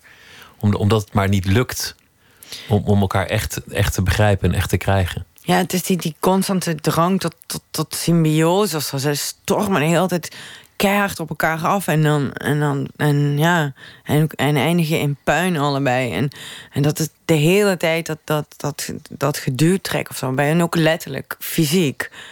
Vanuit die onmacht om, om, omdat ze niet één kunnen worden of zo. Omdat ze zoveel verwachtingen hebben die niet, ja, allemaal clichés als ik het zo zeg. Maar ja, wel, wel heel herkenbaar of zo, ja. Waar- waarom herkende jij jezelf er zo in? Goh ja, om de allerkleinste dingen. Er is een scène waarin ze samen de was ophangen op zo'n stom rekje in hun appartement. En, ze, en Varia, dat is, dat is mijn personage, het meisje, ergert zich aan het feit dat Nicolai twee sokken op elkaar legt. Wat ook echt super onhandig is. Als je twee sokken op elkaar legt, dan gaat die, die onderste sok gaat sowieso stinken. Want die, die wordt pas in- na twee dagen droog.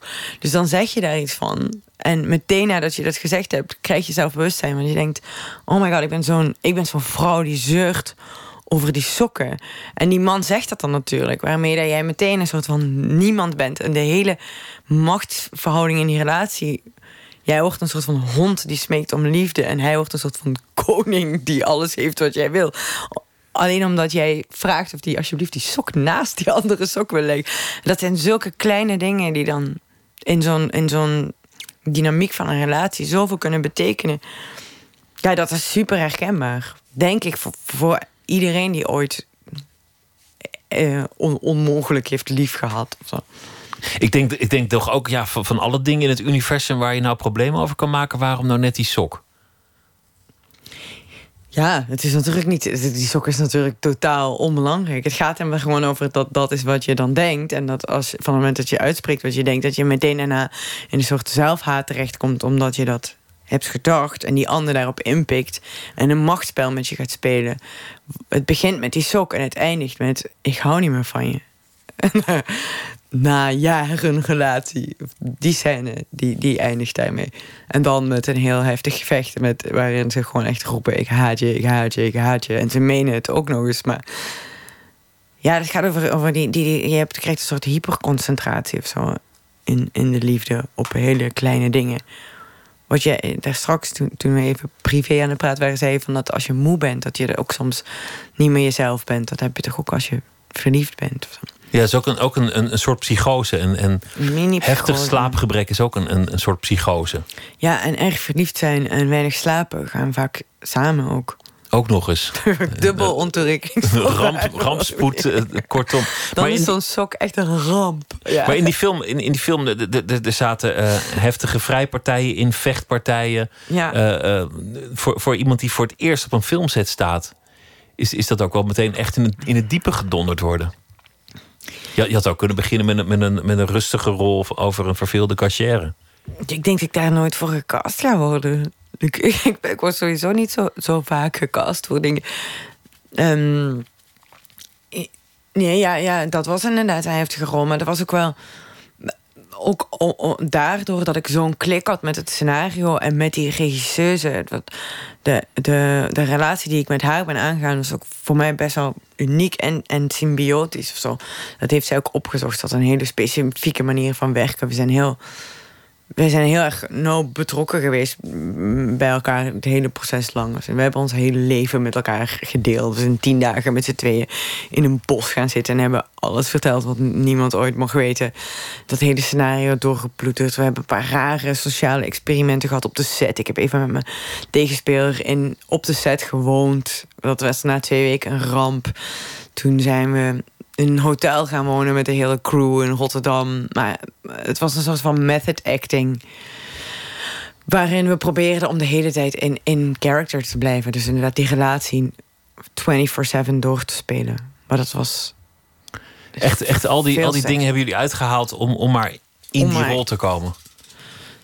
Nou ja, omdat het allemaal ja, ook ideeën waren of zo. Die, die, die, die pasten bij, bij, de, eh, bij het regieconcept. Of het idee dat Paloma ook had bij het maken van die film. Dat vind ik geestig. Dat, dat je aan de ene kant altijd een soort, soort, soort zelfrelativering hebt en, en een soort, soort blik op van ja, wat ben ik nu eigenlijk aan het doen? Maar dat je wel helemaal tot het uiterste gaat in, in je werk. Dat, dat je zonder enig compromis je stort in een rol of, of in wat je moet doen. Ja, dat is Daarin ben je, vo- daarin ben je volledig. voor mij is dat dan altijd het grootste gevecht. Of zo. Dat is wat het meeste pijn doet. Dat is altijd dat ding tussen afstand en overgave. Je moet de hele tijd afstand houden en overzicht om. Gewoon, zeker als, als hedendaagse kunstenaar, je moet een cultureel ondernemer zijn. Je moet je zaakjes op orde hebben. Je moet interviews kunnen geven en geld kunnen aanvragen. En je moet gewoon, je, je moet scherp blijven. En daarvoor moet je emotionele afstand hebben tot je werk. En anderzijds moet je uh, inderdaad als acteur, enfin, in mijn eigen werk is dat dan een, een, een, tweespalt. Dan moet je er helemaal in gaan en echt al je metagedachten verliezen. Want anders dan, dan ehm, je moet echt voor een seconde kunnen vergeten om helemaal ergens, ergens in te duiken. Want anders kan je het niet belichamen, letterlijk. En hoe voelt het dan om, om, er helemaal in te, in, in te zijn? Ja, dat is fantastisch natuurlijk. Soms kan het ook tegelijkertijd. Dan kan je echt met afstand en overgave spelen of maken. Dat is het, het hoogst haalbare voor mij. Maar dat is het allermoeilijkste. Dat je heel goed beseft wat je aan het doen bent en alsnog helemaal erin opgaat. Dat is echt de grootste kick. Het is moeilijk in woorden uit te leggen. Ik wens je heel veel eh, plezier komende week met het eh, in ontvangst nemen van, eh, van, van je prijs. En het was me een genoeg om met je te praten hier. Naomi Felisario, dank je wel. Dank je. En zometeen gaan we verder met Nooit meer slapen. Twitter, het VPRO NMS. En we zitten ook op Facebook. En we hebben een podcast down te loaden via iTunes of de website van de VPRO. vpro.nl schuine streep Nooit meer slapen.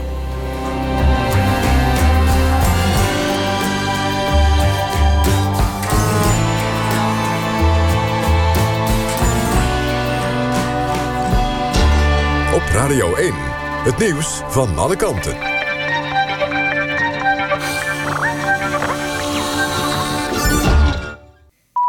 Het is 1 uur, dit is Maud met het NWS Journaal. De politie heeft twee verdachten opgepakt die betrokken zouden zijn geweest... bij de dood van een 44-jarige Tilburger. De man werd in januari ernstig mishandeld bij een snoekercentrum in de stad... en zwaar gewond achtergelaten op de parkeerplaats. Hij bezweek een dag later aan zijn verwondingen. Waar de verdachten zijn opgepakt en wie het zijn, wil de politie niet zeggen. Waarom het slachtoffer werd mishandeld is ook nog steeds niet duidelijk. De Tilburger is niet beroofd, terwijl hij die avond veel geld op zak had.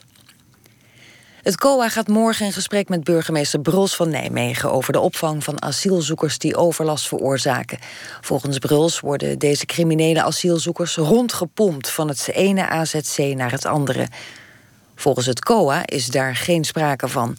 Een groep van zo'n 20 asielzoekers veroorzaakte Nijmegen sinds april veel overlast. De controle op de bouw van huizen, kantoren en andere gebouwen blijft voorlopig een taak van de gemeente. Minister Plasterk stelt de privatisering van het toezicht met zeker een jaar uit. Vandaag bleek dat de Eerste Kamer nog veel bezwaren had tegen het wetsvoorstel. Ook de grote steden vrezen voor de kwaliteit van de bouw als het toezicht door een private partij gedaan wordt. En ook Mark Cavendish moet de Ronde van Frankrijk verlaten. De renner ging eerder vandaag in de eindsprint hard onderuit... na een elleboogstoot van Peter Sagan. Uit onderzoek in het ziekenhuis bleek dat hij een schouderblad heeft gebroken. Sagan werd eerder vanavond door de jury uit de Tour gezet.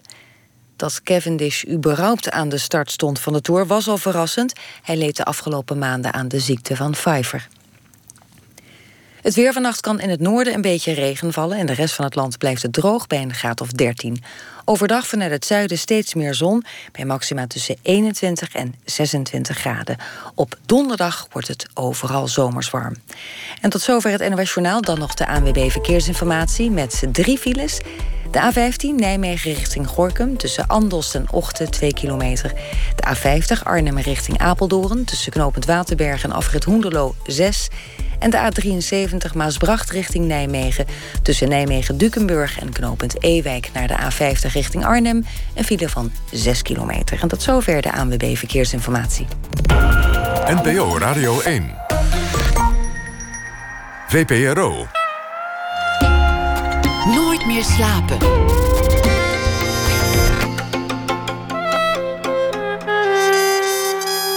Met Pieter van der Wielen. Glasblazen heeft een eh, te suffe imago en dus wil het eh, Glasmuseum te Leerdam de traditie nieuw leven inblazen. En daartoe hebben ze allemaal eh, projecten die we zo meteen gaan bespreken. Woordkunstenaar Marco Martens komt langs. Hij heeft een podcastserie gemaakt. Morgen zal ik thuis zijn. Die gaat over vaderschap en hij praat met andere vaders over wat het eigenlijk in zou moeten houden. Ivo Victoria, die is deze week onze schrijver, hij zal zo meteen een verhaal voordragen. Dat gaat over de voorbije dag. Maar eerst het culturele nieuws van de afgelopen dag.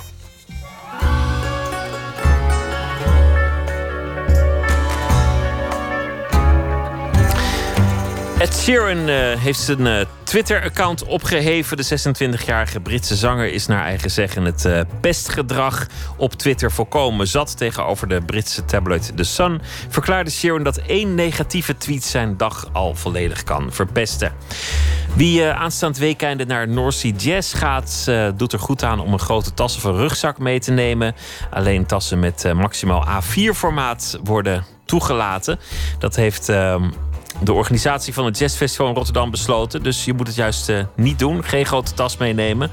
Dat is een eh, besluit dat is gevolgd na de recente aanslagen en terreurdreiging. eh, om de veiligheid te bevorderen.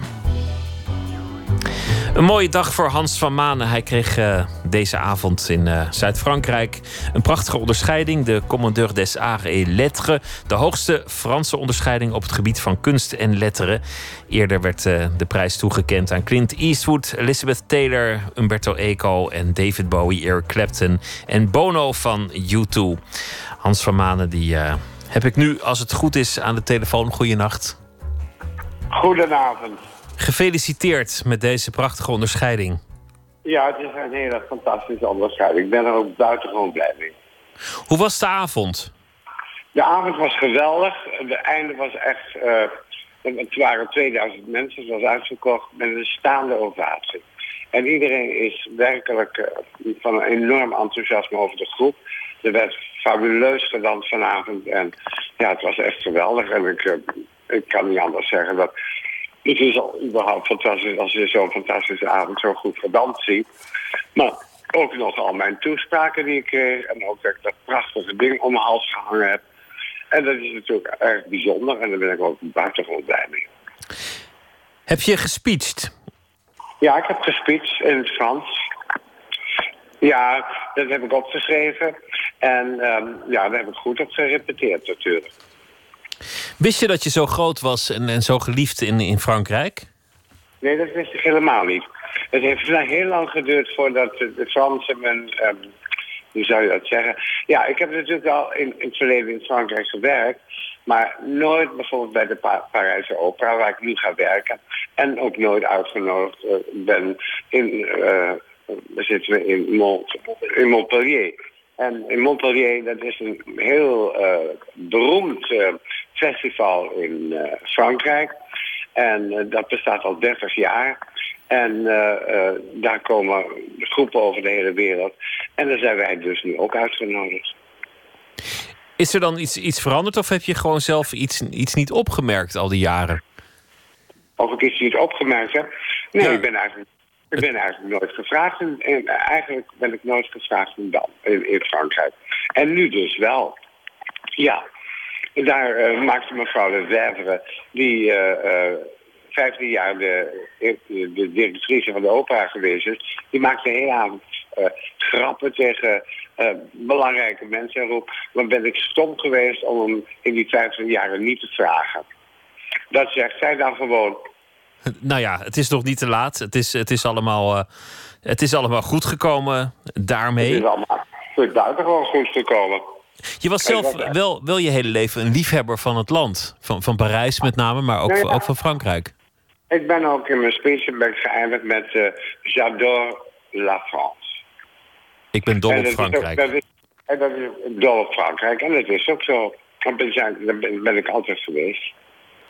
En eh, sinds vanavond is het officieel wederzijds, kunnen, kunnen we concluderen. Dat kan je wel zeggen, ja. Het was echt een, een- een hele bijzondere avond. Je wordt toegesproken door de burgemeester en door de minister. En wat leuk is, minister Bussemaker was er ook. En die had ook een fantastische speech. En die speciaal uit Holland gekomen om erbij te zijn. En dat is toch ook heel bijzonder. Geniet van deze avond en eh, van deze nacht. En dank, Hans van Ja. Manen. Die is nog niet afgelopen, dus we gaan er even mee door. Nou, veel plezier en eh, tot ziens. Hartelijke dank.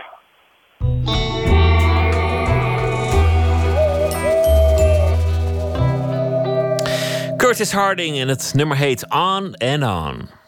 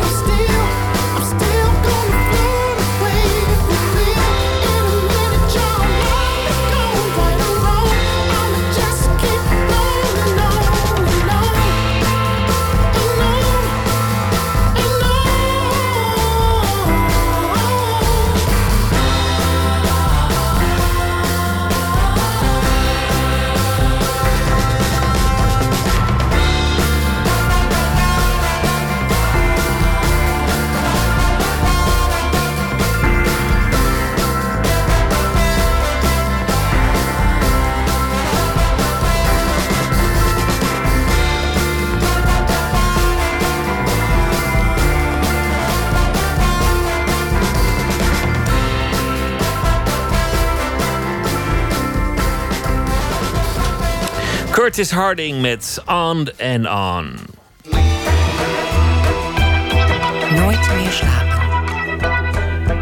Ooit was het een bron van trots, de meester glasblazer uit Leerdam. Maar de traditie is wat weggezakt.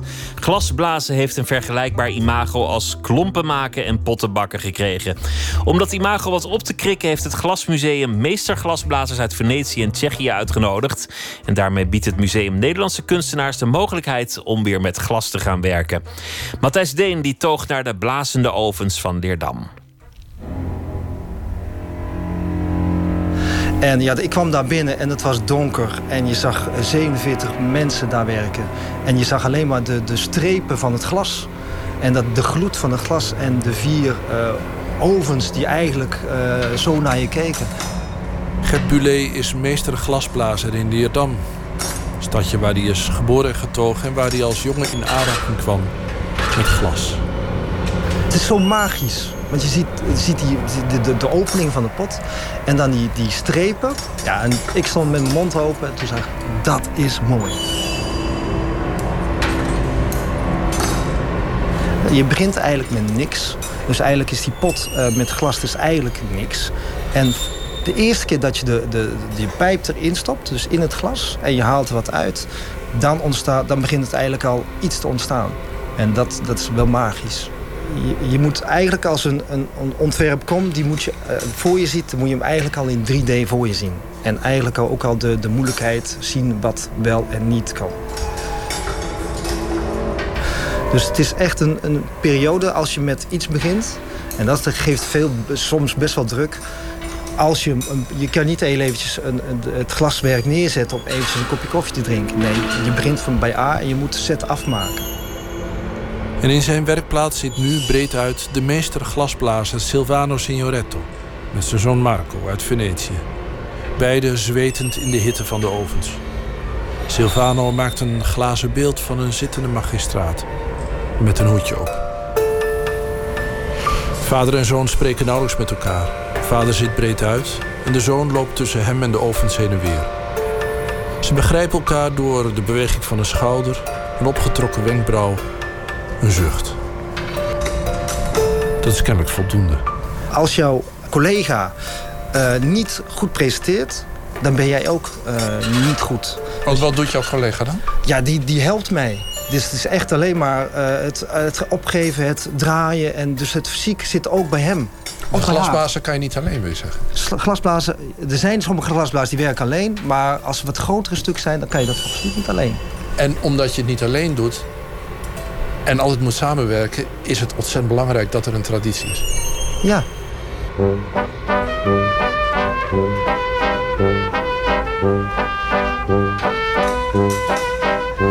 Wat je precieze naam is. Maartje Brattinga. Ik ben conservator van het Glasmuseum. Gaan we nu naartoe dan? We gaan nu naar de Oude Hoorn.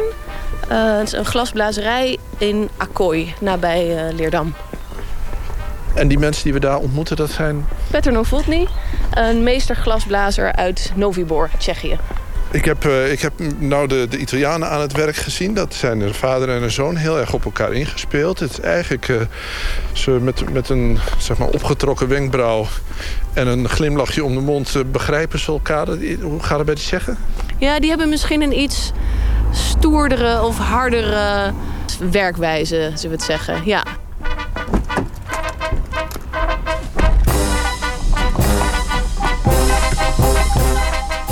Oude Horn, een watermolen bij een sluis, is de glasblazerij van glasmeester en kunstenaar Bernard Heesen. dit is de studio van Bernard Hees. De ovens in de werkplaats blazen. De Tsjechische glasmeester Petr Novotny is er met twee assistenten aan het werk. En beeldend kunstenaar Hans van Bentum kijkt toe hoe de Tsjechen aan het werk gaan om zijn ontwerp te maken. Ik was in 1988 al voor het eerst hier in de Oude Hoorn. Hier ben ik met glas begonnen. En daarom is het voor mij ook heel leuk om hier weer eens terug te komen. En ik heb eh, veel in Tsjechië gewerkt. Novibor, Lindava, de bekende Tsjechische glasbedrijven. En in eh, Leerdam ook gewerkt met eh, de glasblazerij. Voor het project Sotsas, Inspiratie Sotsas. Dus ik kom om de zoveel tijd terug. Ja. Als ik dat glas zie, dan vooral het maken ervan. Een soort enorme spanning tussen eigenlijk het geweld van de hitte en het, het teren van het eindproduct. Ja, het is heel mooi. Het is ook een soort acrobatiek om te maken. Het is niet zomaar even van, nou, dat doen we even. Het is een bepaald traject. Je moet voor ieder ontwerp bedenken. Hoe Ja. zetten we het in en hoe ga je dat communiceren met het team? Dat zij kunnen maken wat jij voor ogen hebt. Ja, en het team heeft eh, zelf ook nood op de zang.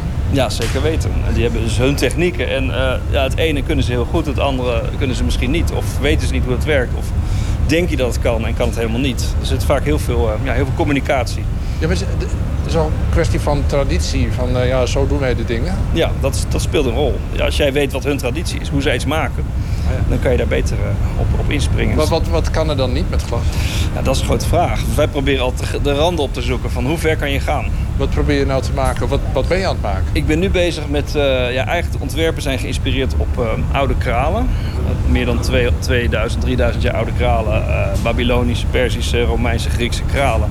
Die ook in glas gemaakt waren. Die waren destijds net zo waardevol als edelmetaal, zilver en goud. Dat is natuurlijk een bijzonder ambacht toen al. En bepaalde technieken die daarin gebruikt zijn, die, eh, die zie je eigenlijk nog steeds. Die kan je nog steeds gebruiken.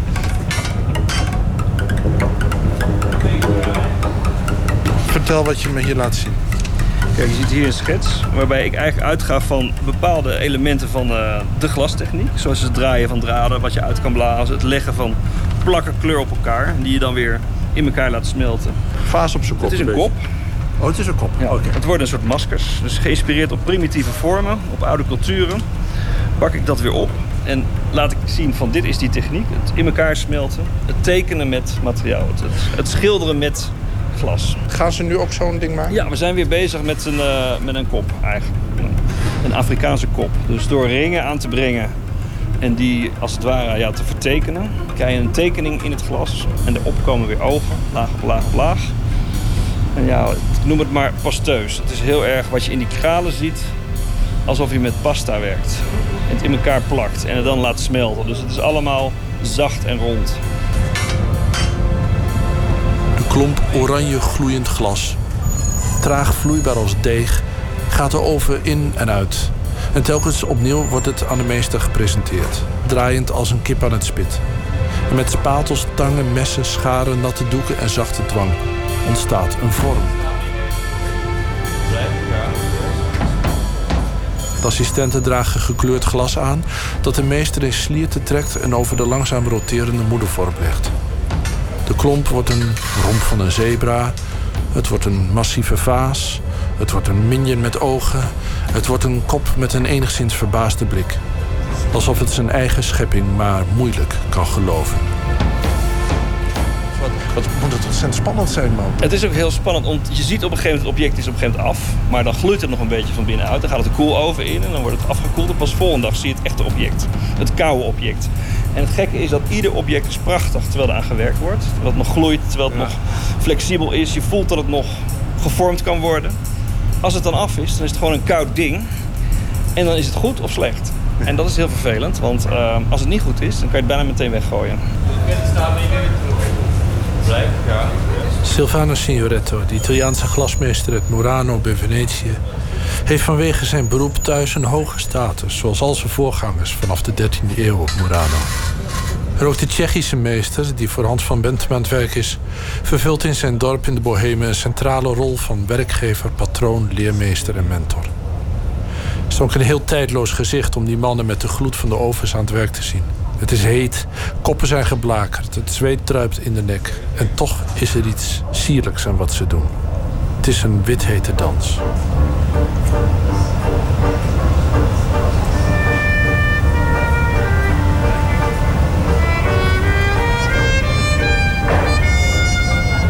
Ja, nou, dat is het mooie ervan. Het is aan de ene kant ongelooflijk gevaarlijk, zwaar, heet, krachtpatsen. En tegelijkertijd is het heel sierlijk en, en, en heel poëtisch. Dus dat is het mooie, dat eh, die, eh, die, die elementen daarin eh, Ja. allebei zitten.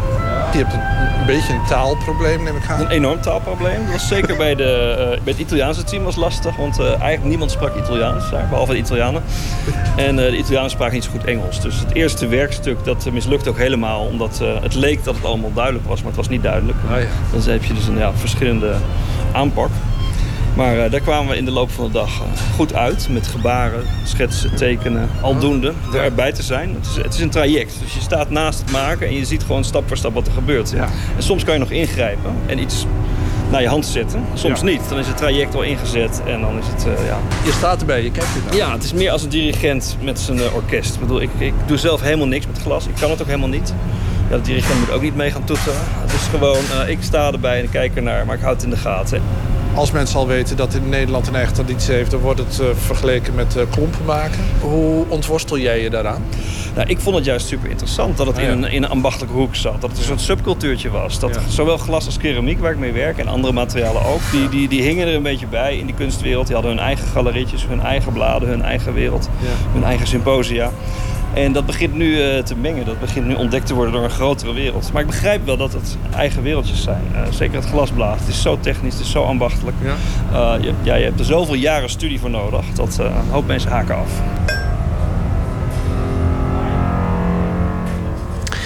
Wie de glasmeesters aan het werk wil zien, kan nog terecht in het Glasmuseum. De resultaten van de samenwerking tussen de glasmeesters en kunstenaars als Berend Strik en Soro Feigl en Anne Wensel.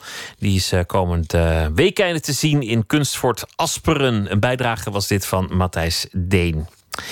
De zesdelige podcastserie Morgen zal ik thuis zijn. Daarin gaat uh, woordkunstenaar Marco Martens op zoek naar wat vaderschap betekent. En dat doet hij met uh, verschillende collega-muzikanten. Hij heeft ook een EP gemaakt over het thema. En uh, hier is het titelnummer Morgen zal ik thuis zijn.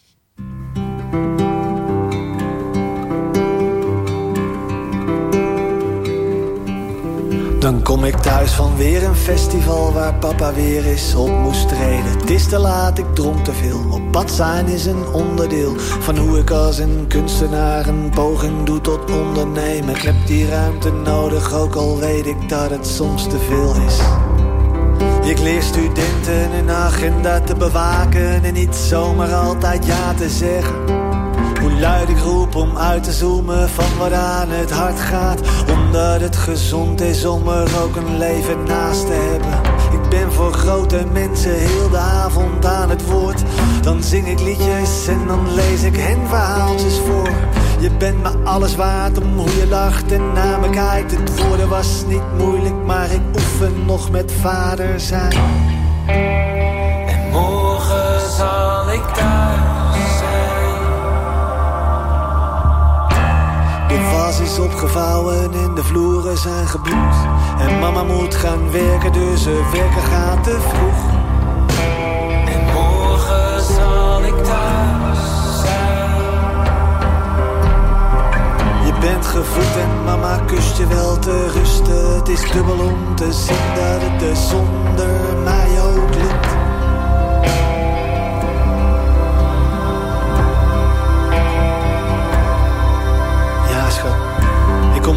Wacht maar, we gaan nog even spelen, kindje. Papa komt eraan, blijf even lekker op je kleedje liggen. Wacht, ik kom eraan, voordat we gaan, even een mailtje tikken. Ach, ik kom eraan, ja schat, we gaan nog even veter strikken. Niet aan mijn platen, Janna, nee, niet die volumeknop. Niet aan die kabel, niet die tas, nee, niet die envelop. Doe even niks waardoor je eindelijk mijn aandacht krijgt. Het woorden was niet moeilijk, maar ik oefen nog met vader zijn.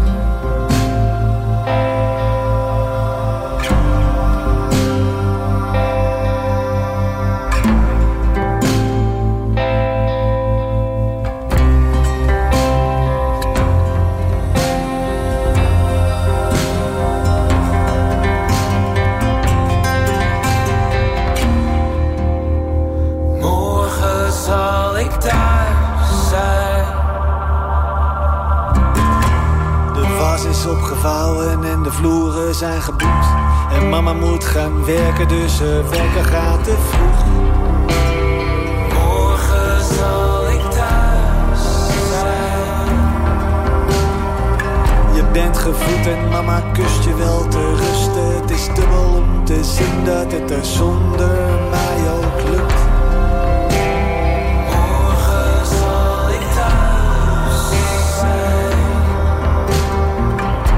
me alles waard om hoe je lacht en naar me kijkt. Het woorden was niet moeilijk, maar ik oefen nog met vader zijn.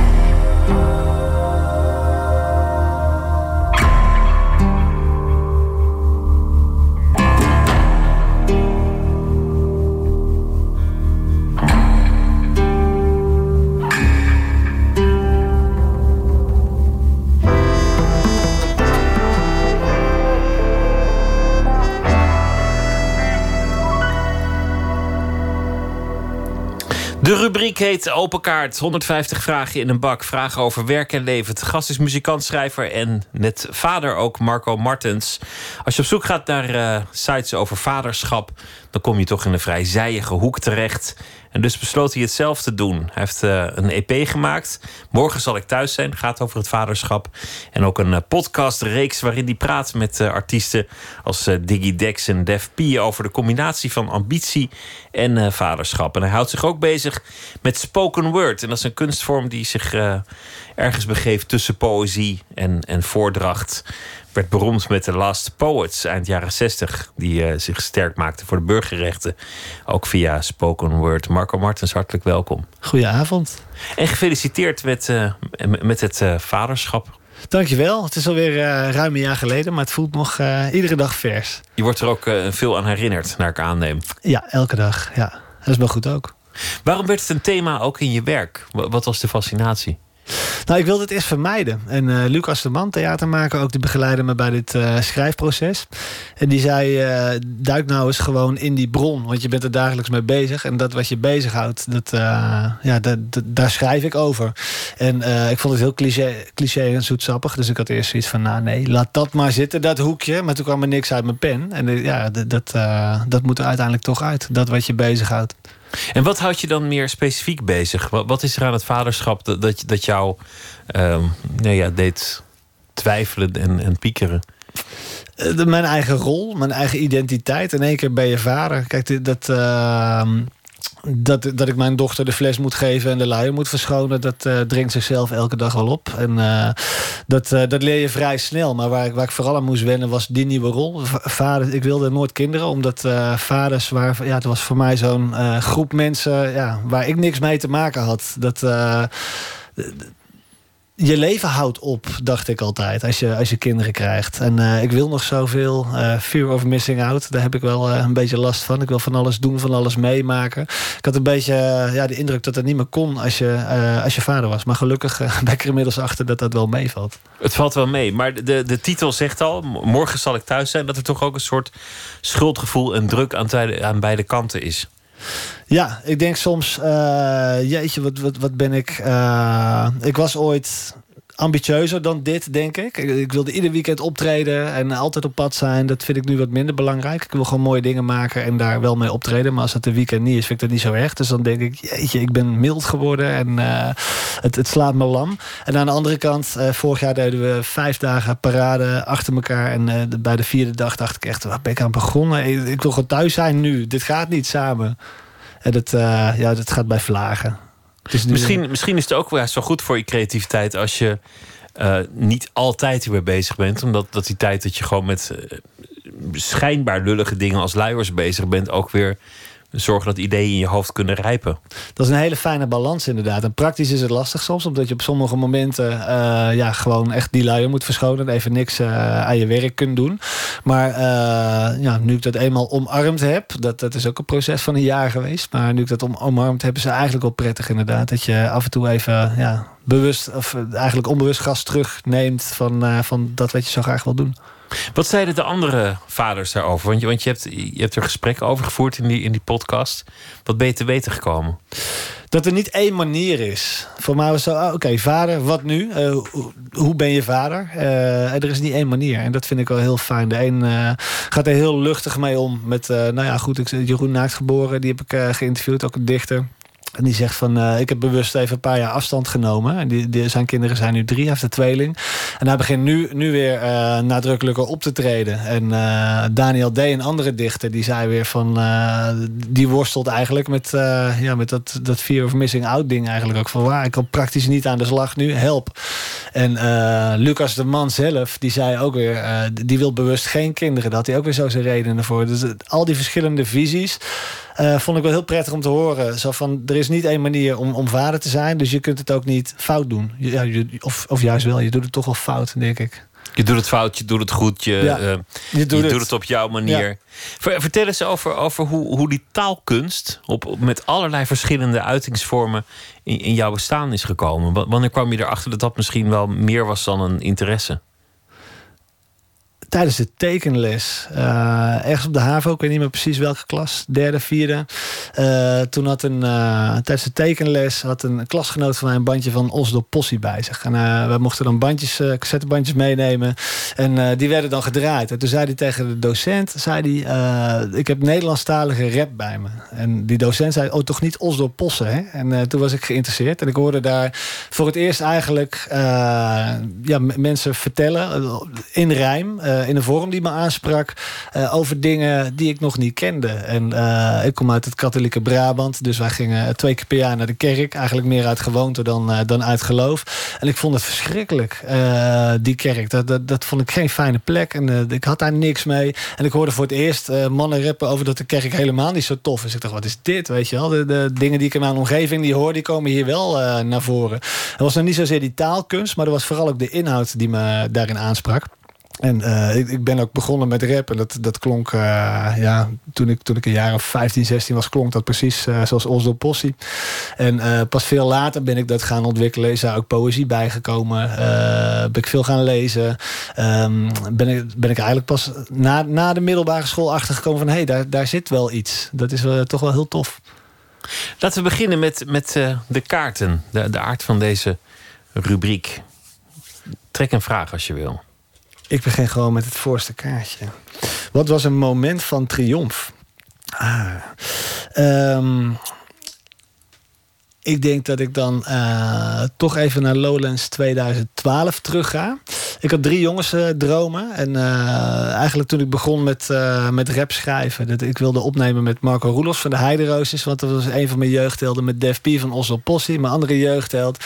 En ik wilde bij Lowlands staan. En Lowlands was de laatste van de drie die, die ik waarmaakte. En toen eenmaal, toen ik daar eh, nou ja, vijf minuten voor showtime eh, klaar stond achter het podium, dacht ik wel van ja, dit, eh, dit is wel tof.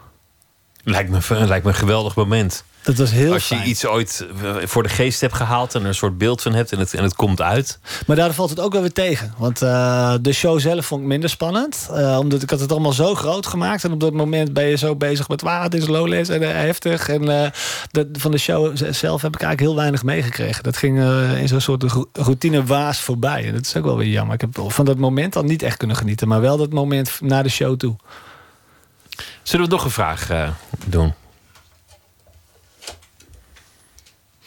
Wanneer heb je voor het laatst gehuild? Dan moet ik echt even nadenken. Wanneer is dat geweest? Ik denk tijdens de begrafenis van mijn opa. Dat, eh, ja, dat... eh, Is dat lang geleden? Tweeënhalf jaar volgens mij. Nee, ruim twee jaar. En ehm, ik weet nog dat... eh, ik heb daar ook een liedje over geschreven. Ik, was, eh, ik zat in het bejaardentehuis en eh, daar had ik een gesprek met mijn opa. En ik, ik voelde van dit gaat het laatste gesprek zijn. Omdat hij geestelijk ook al aan het aftakelen was. En ehm, toen ik daar wegging dacht ik dit gesprek wil ik vangen. En dat heb ik dan ook in een liedje gevangen. Eh, en hij wilde heel graag dood ook. Hij was wel klaar met leven. Mijn oma, eh, waarmee hij eh, jarenlang getrouwd is geweest... die, die was, eh, was wat langer overleden. Eh, begin- ja, 2001, 2002 ongeveer. Dus sinds die tijd zei hij eigenlijk... ik ben er wel klaar mee. En ehm, ik gunde hem dat heel erg, dat het klaar was. Maar ja, toch blijft het altijd een lastig moment. Zo'n begrafenis. Ik weet niet, dan komt het werf allemaal naar boven of zo. Heel begrijpelijk, heel, heel natuurlijk. Maar heb je, heb je ook gehaald rond, rond de geboorte van, van, je, van je kindje? Was dat zo ontroerend dat, dat, je, dat, je de waterlanders eh, voelde biggelen?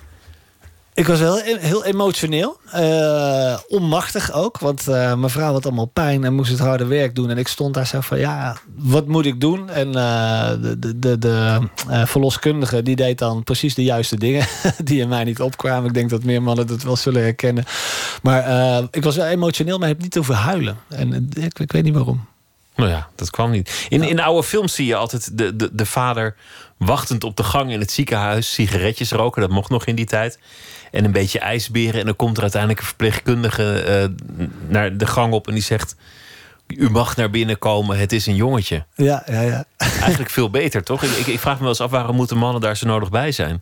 Het voelde wel zo inderdaad, alsof je op een afstand eh, erbij was. Want eh, ja, je, je kunt daar eh, heel weinig aan bijdragen. Je loopt alleen maar in de weg. Precies, ja. je hebt ja, makkelijk praten, als je zegt even doorzetten. Ja, en op de duur kneep zij mijn arm. En ik had zoiets, ah, dat doet echt heel erg pijn. ik ga daar nu niks van zeggen. Want, Je hebt ook pijn. dus- ja, ja, ja. Ja. Ja, nou ja, neem, neem nog maar een eh, vraag.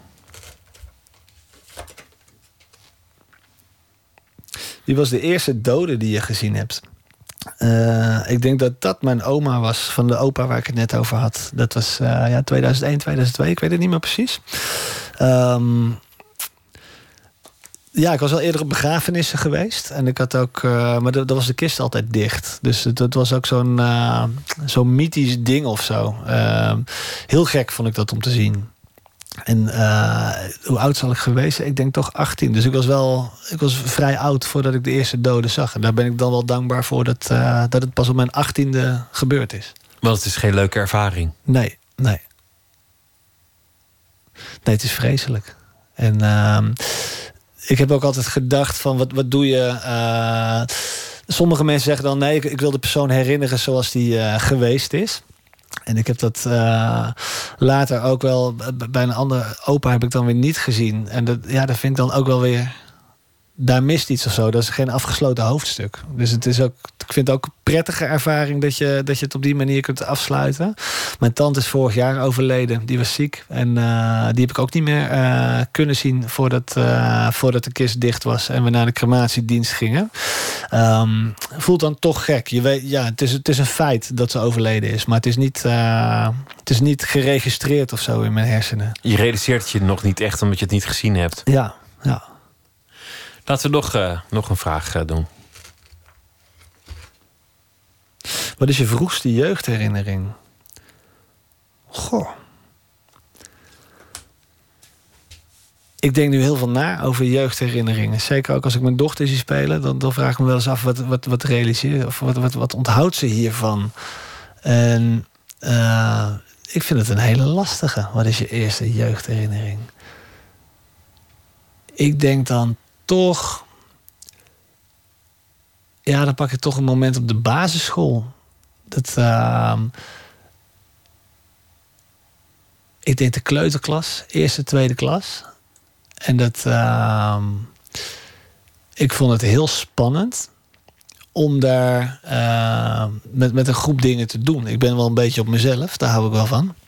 En eh, je zit dan in zo'n groep en je gaat samen knutselen. Of eh, de, de, een paar meisjes gaan in de poppenhoek spelen. Die rollen waren ook heel sterk verdeeld. Hè? De meisjes gaan in de poppenhoek en, eh, en de jongens gaan weer andere dingen doen. En eh, ik wist niet zo goed wat ik dan wilde. En eh, dan moest je met zo'n groepje wat doen. En ik was heel erg bezig met het, eh, ja, met het zoeken van mijn plek daar. En dat, eh, dat, het is niet echt een hele concrete herinnering van... Hè, zij gingen met de auto spelen en ik ging dat niet doen. Maar eh, dat soort van eh, onbestemd gevoel, dat, eh, dat zit daar wel. Dat kun je wel herinneren. Ja. Dankjewel Marco eh, Mar- Martens dat je te gast wilde zijn. Morgen zal ik thuis zijn is een podcast te beluisteren via iTunes en ook andere fora. Zoals eh, podcastluisteren.nl en Stitcher. En er is ook eh, de cd die is gewoon eh, verkrijgbaar. Dankjewel. Dankjewel, graag gedaan. This is the Kid. En het nummer heet Bulletproof.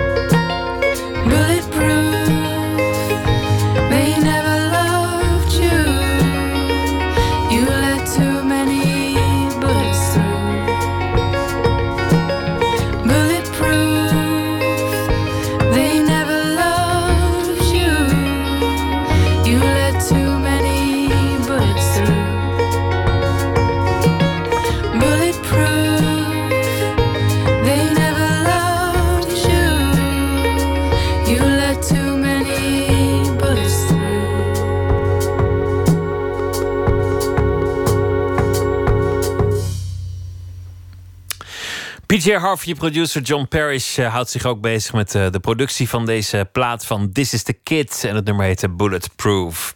Eén minuut, een reeks verhalen in 60 seconden. Deze is gemaakt door Remy van den Brand en heet Snippers. Je moet dan met vloeipapier eromheen en dan dat vloeipapier vochtig maken. En dan elke keer na een, na een paar uur, elke keer weer kijken of je het wat verder kunt uitvouwen. En het gaat echt vezeltje per vezeltje, hoekje per hoekje. Komt zo langzamerhand zo'n tekst tevoorschijn en dat is gewoon heel spannend.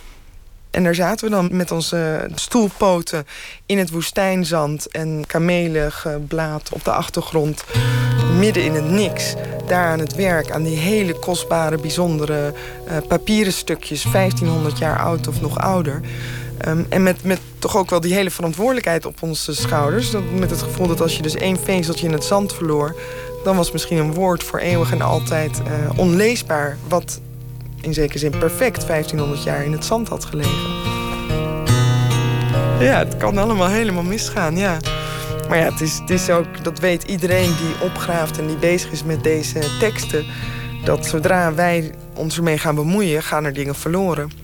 Maar ja, zonder dat je het opgraaft weet je helemaal niks natuurlijk.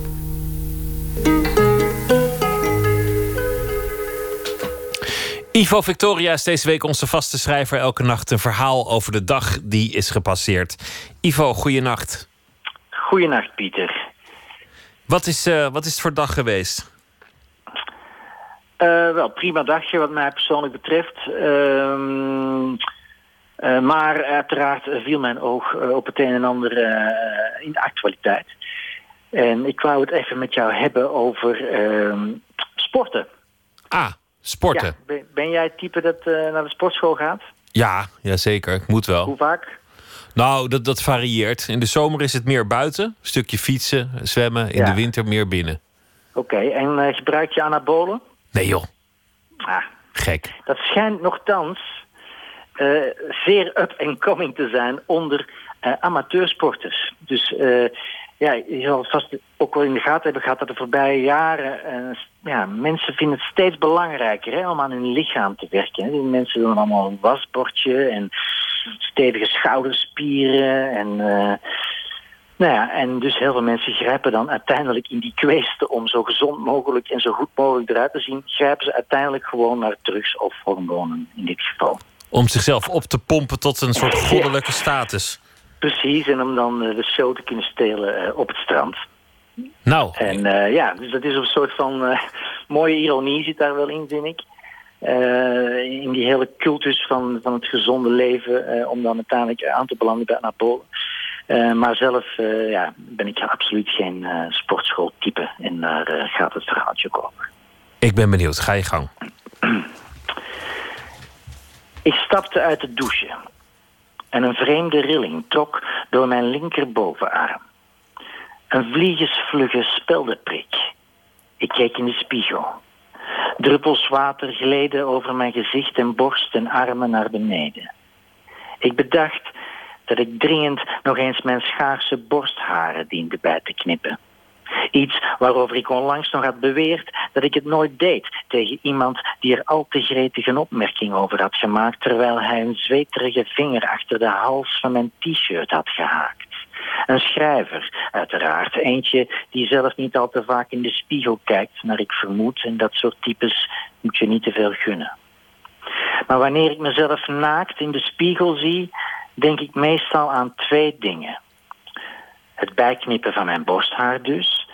En alle talloze, hopeloze, domme, onherroepelijk vervlogen keren. Dat ik mij als twintiger had voorgenomen naar de sportschool te gaan. Verderop in de straat waar ik toen woonde. Dat was in die tijd iets voor jongens waar ik niet bij wilde horen, maar die op vrijdagavond wel met de mooiste meisjes gingen lopen. Kortom, wanneer ik naakt ben, leidt dat zelden tot uitbundige taferelen. Nu viel mijn blik op mijn magere linkerbovenarm, waarin de aders plots helblauw oplichten, zo helder dat ik het bloed bijna letterlijk kon zien stromen. En ook in de onderarm werd een ragfijn spinnenweb van sierlijke blauwe lijnen getekend, die allemaal vertrokken van het kaarsrechte kanaal dat naar mijn pols liep.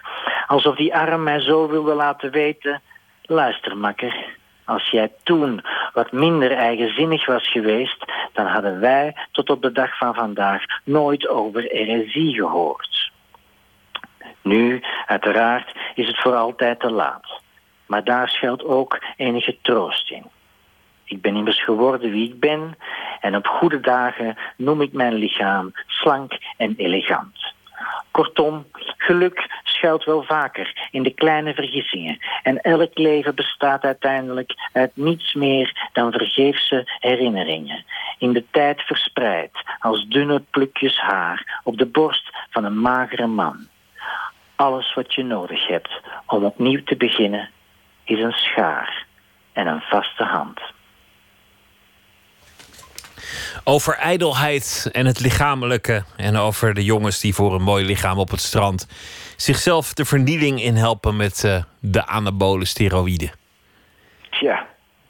Het is, ook iets, het is ook denk ik een drang om jezelf groot te maken terwijl je, terwijl je het niet bent. En dan bedoel ik niet lichamelijk, maar je, je probeert jezelf lichamelijk heel groot te maken met anabolen en, en, eh, en, en Ja. spiermassa, terwijl je maatschappelijk niet groot bent. Het is, eh, de verleiding is inderdaad groot om hier enige voor de hand liggende psychologie op los te laten en te zeggen dat het uiteindelijk allemaal weer voorkomt uit onzekerheid, Pieter. Ik denk dat we daar wel op uit gaan komen. Ja, Dankjewel, Ivo. Goeienacht. Tot morgen. goeienacht, tot morgen. Sun Kill Moon, I can't live without my mother's love.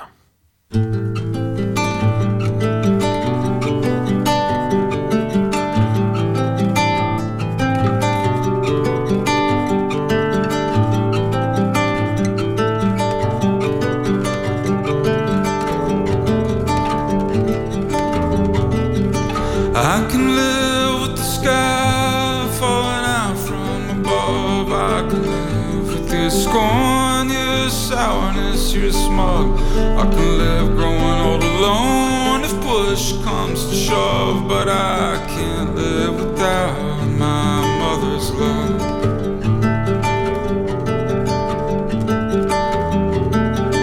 I can live flying around at an impossible pace. I can live with the bad etiquette that's falling on this place. I can live with anything you got to throw in my face, but I can't live without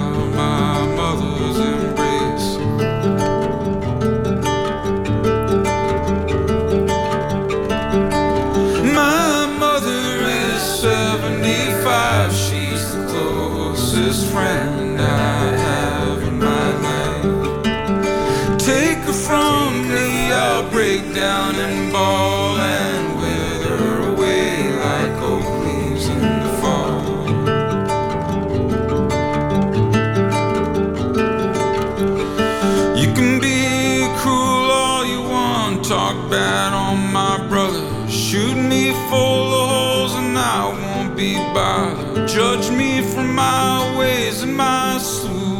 slew ex lovers, but don't ever dare say a bad word about my mother.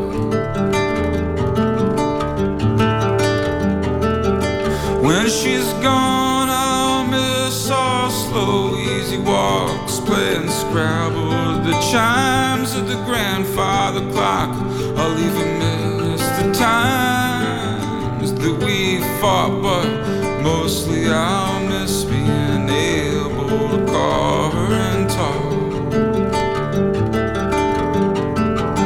I can live without watching the classic old fights. I can live without a lover beside me at night. I can live without what you might call a charmed life, but I can't live without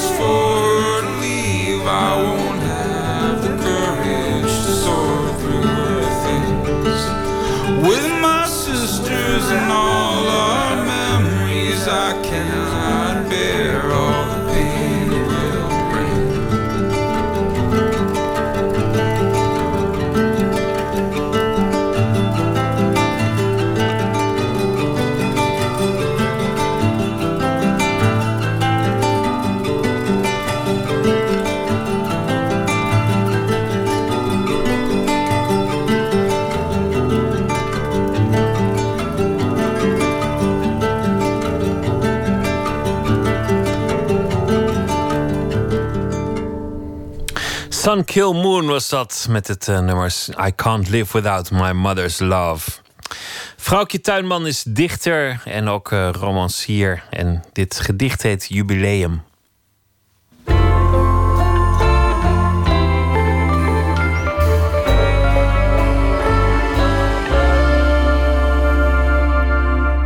Jubileum.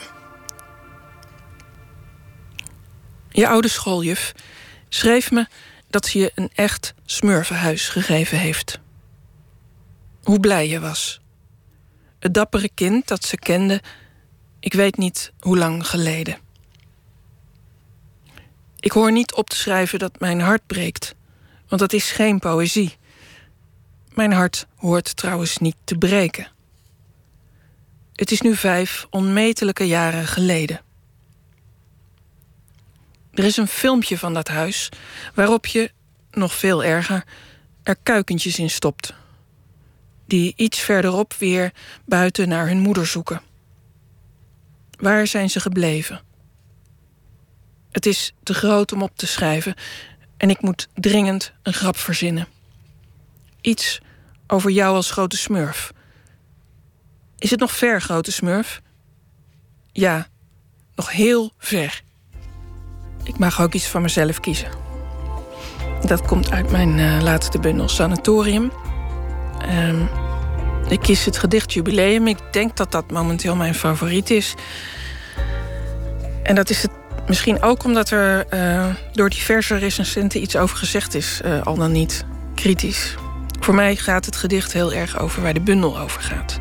Um, bezwering, de bezwering van de dood. En als dat niet lukt, er dan in godsnaam maar een grap over maken. Jubileum. Je oude schooljuf schreef me dat ze je een echt smurvenhuis gegeven heeft.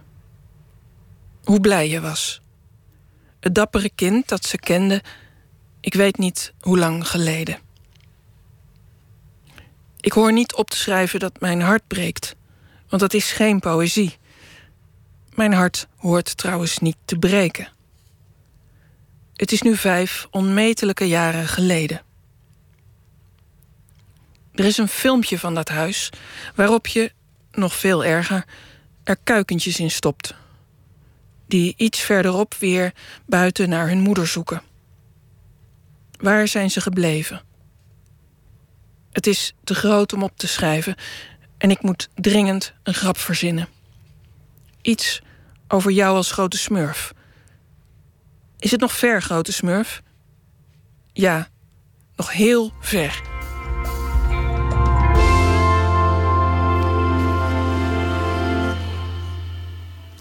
Poëzie van uh, vrouwtje Tuinman uh, was dat.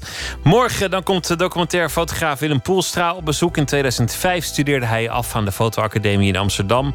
Hij was toen 49 jaar oud. Maakte toen een serie over de ambulance dienst. Won daarmee onder meer de zilveren camera. Hij houdt zich uh, bezig voornamelijk met langdurige projecten. Voor Hannah Future Stories from the Past is een fotoboek over een verborgen familiegeschiedenis. Het wordt waarschijnlijk zijn laatste grote project, want zijn ziekte is de laatste fase ingegaan. Morgen is hij uh, te gast in Nooit meer slapen en dan uh, zullen we praten over de fotografie onder meer. En voor nu wens ik u een hele goede nacht en graag weer tot morgen.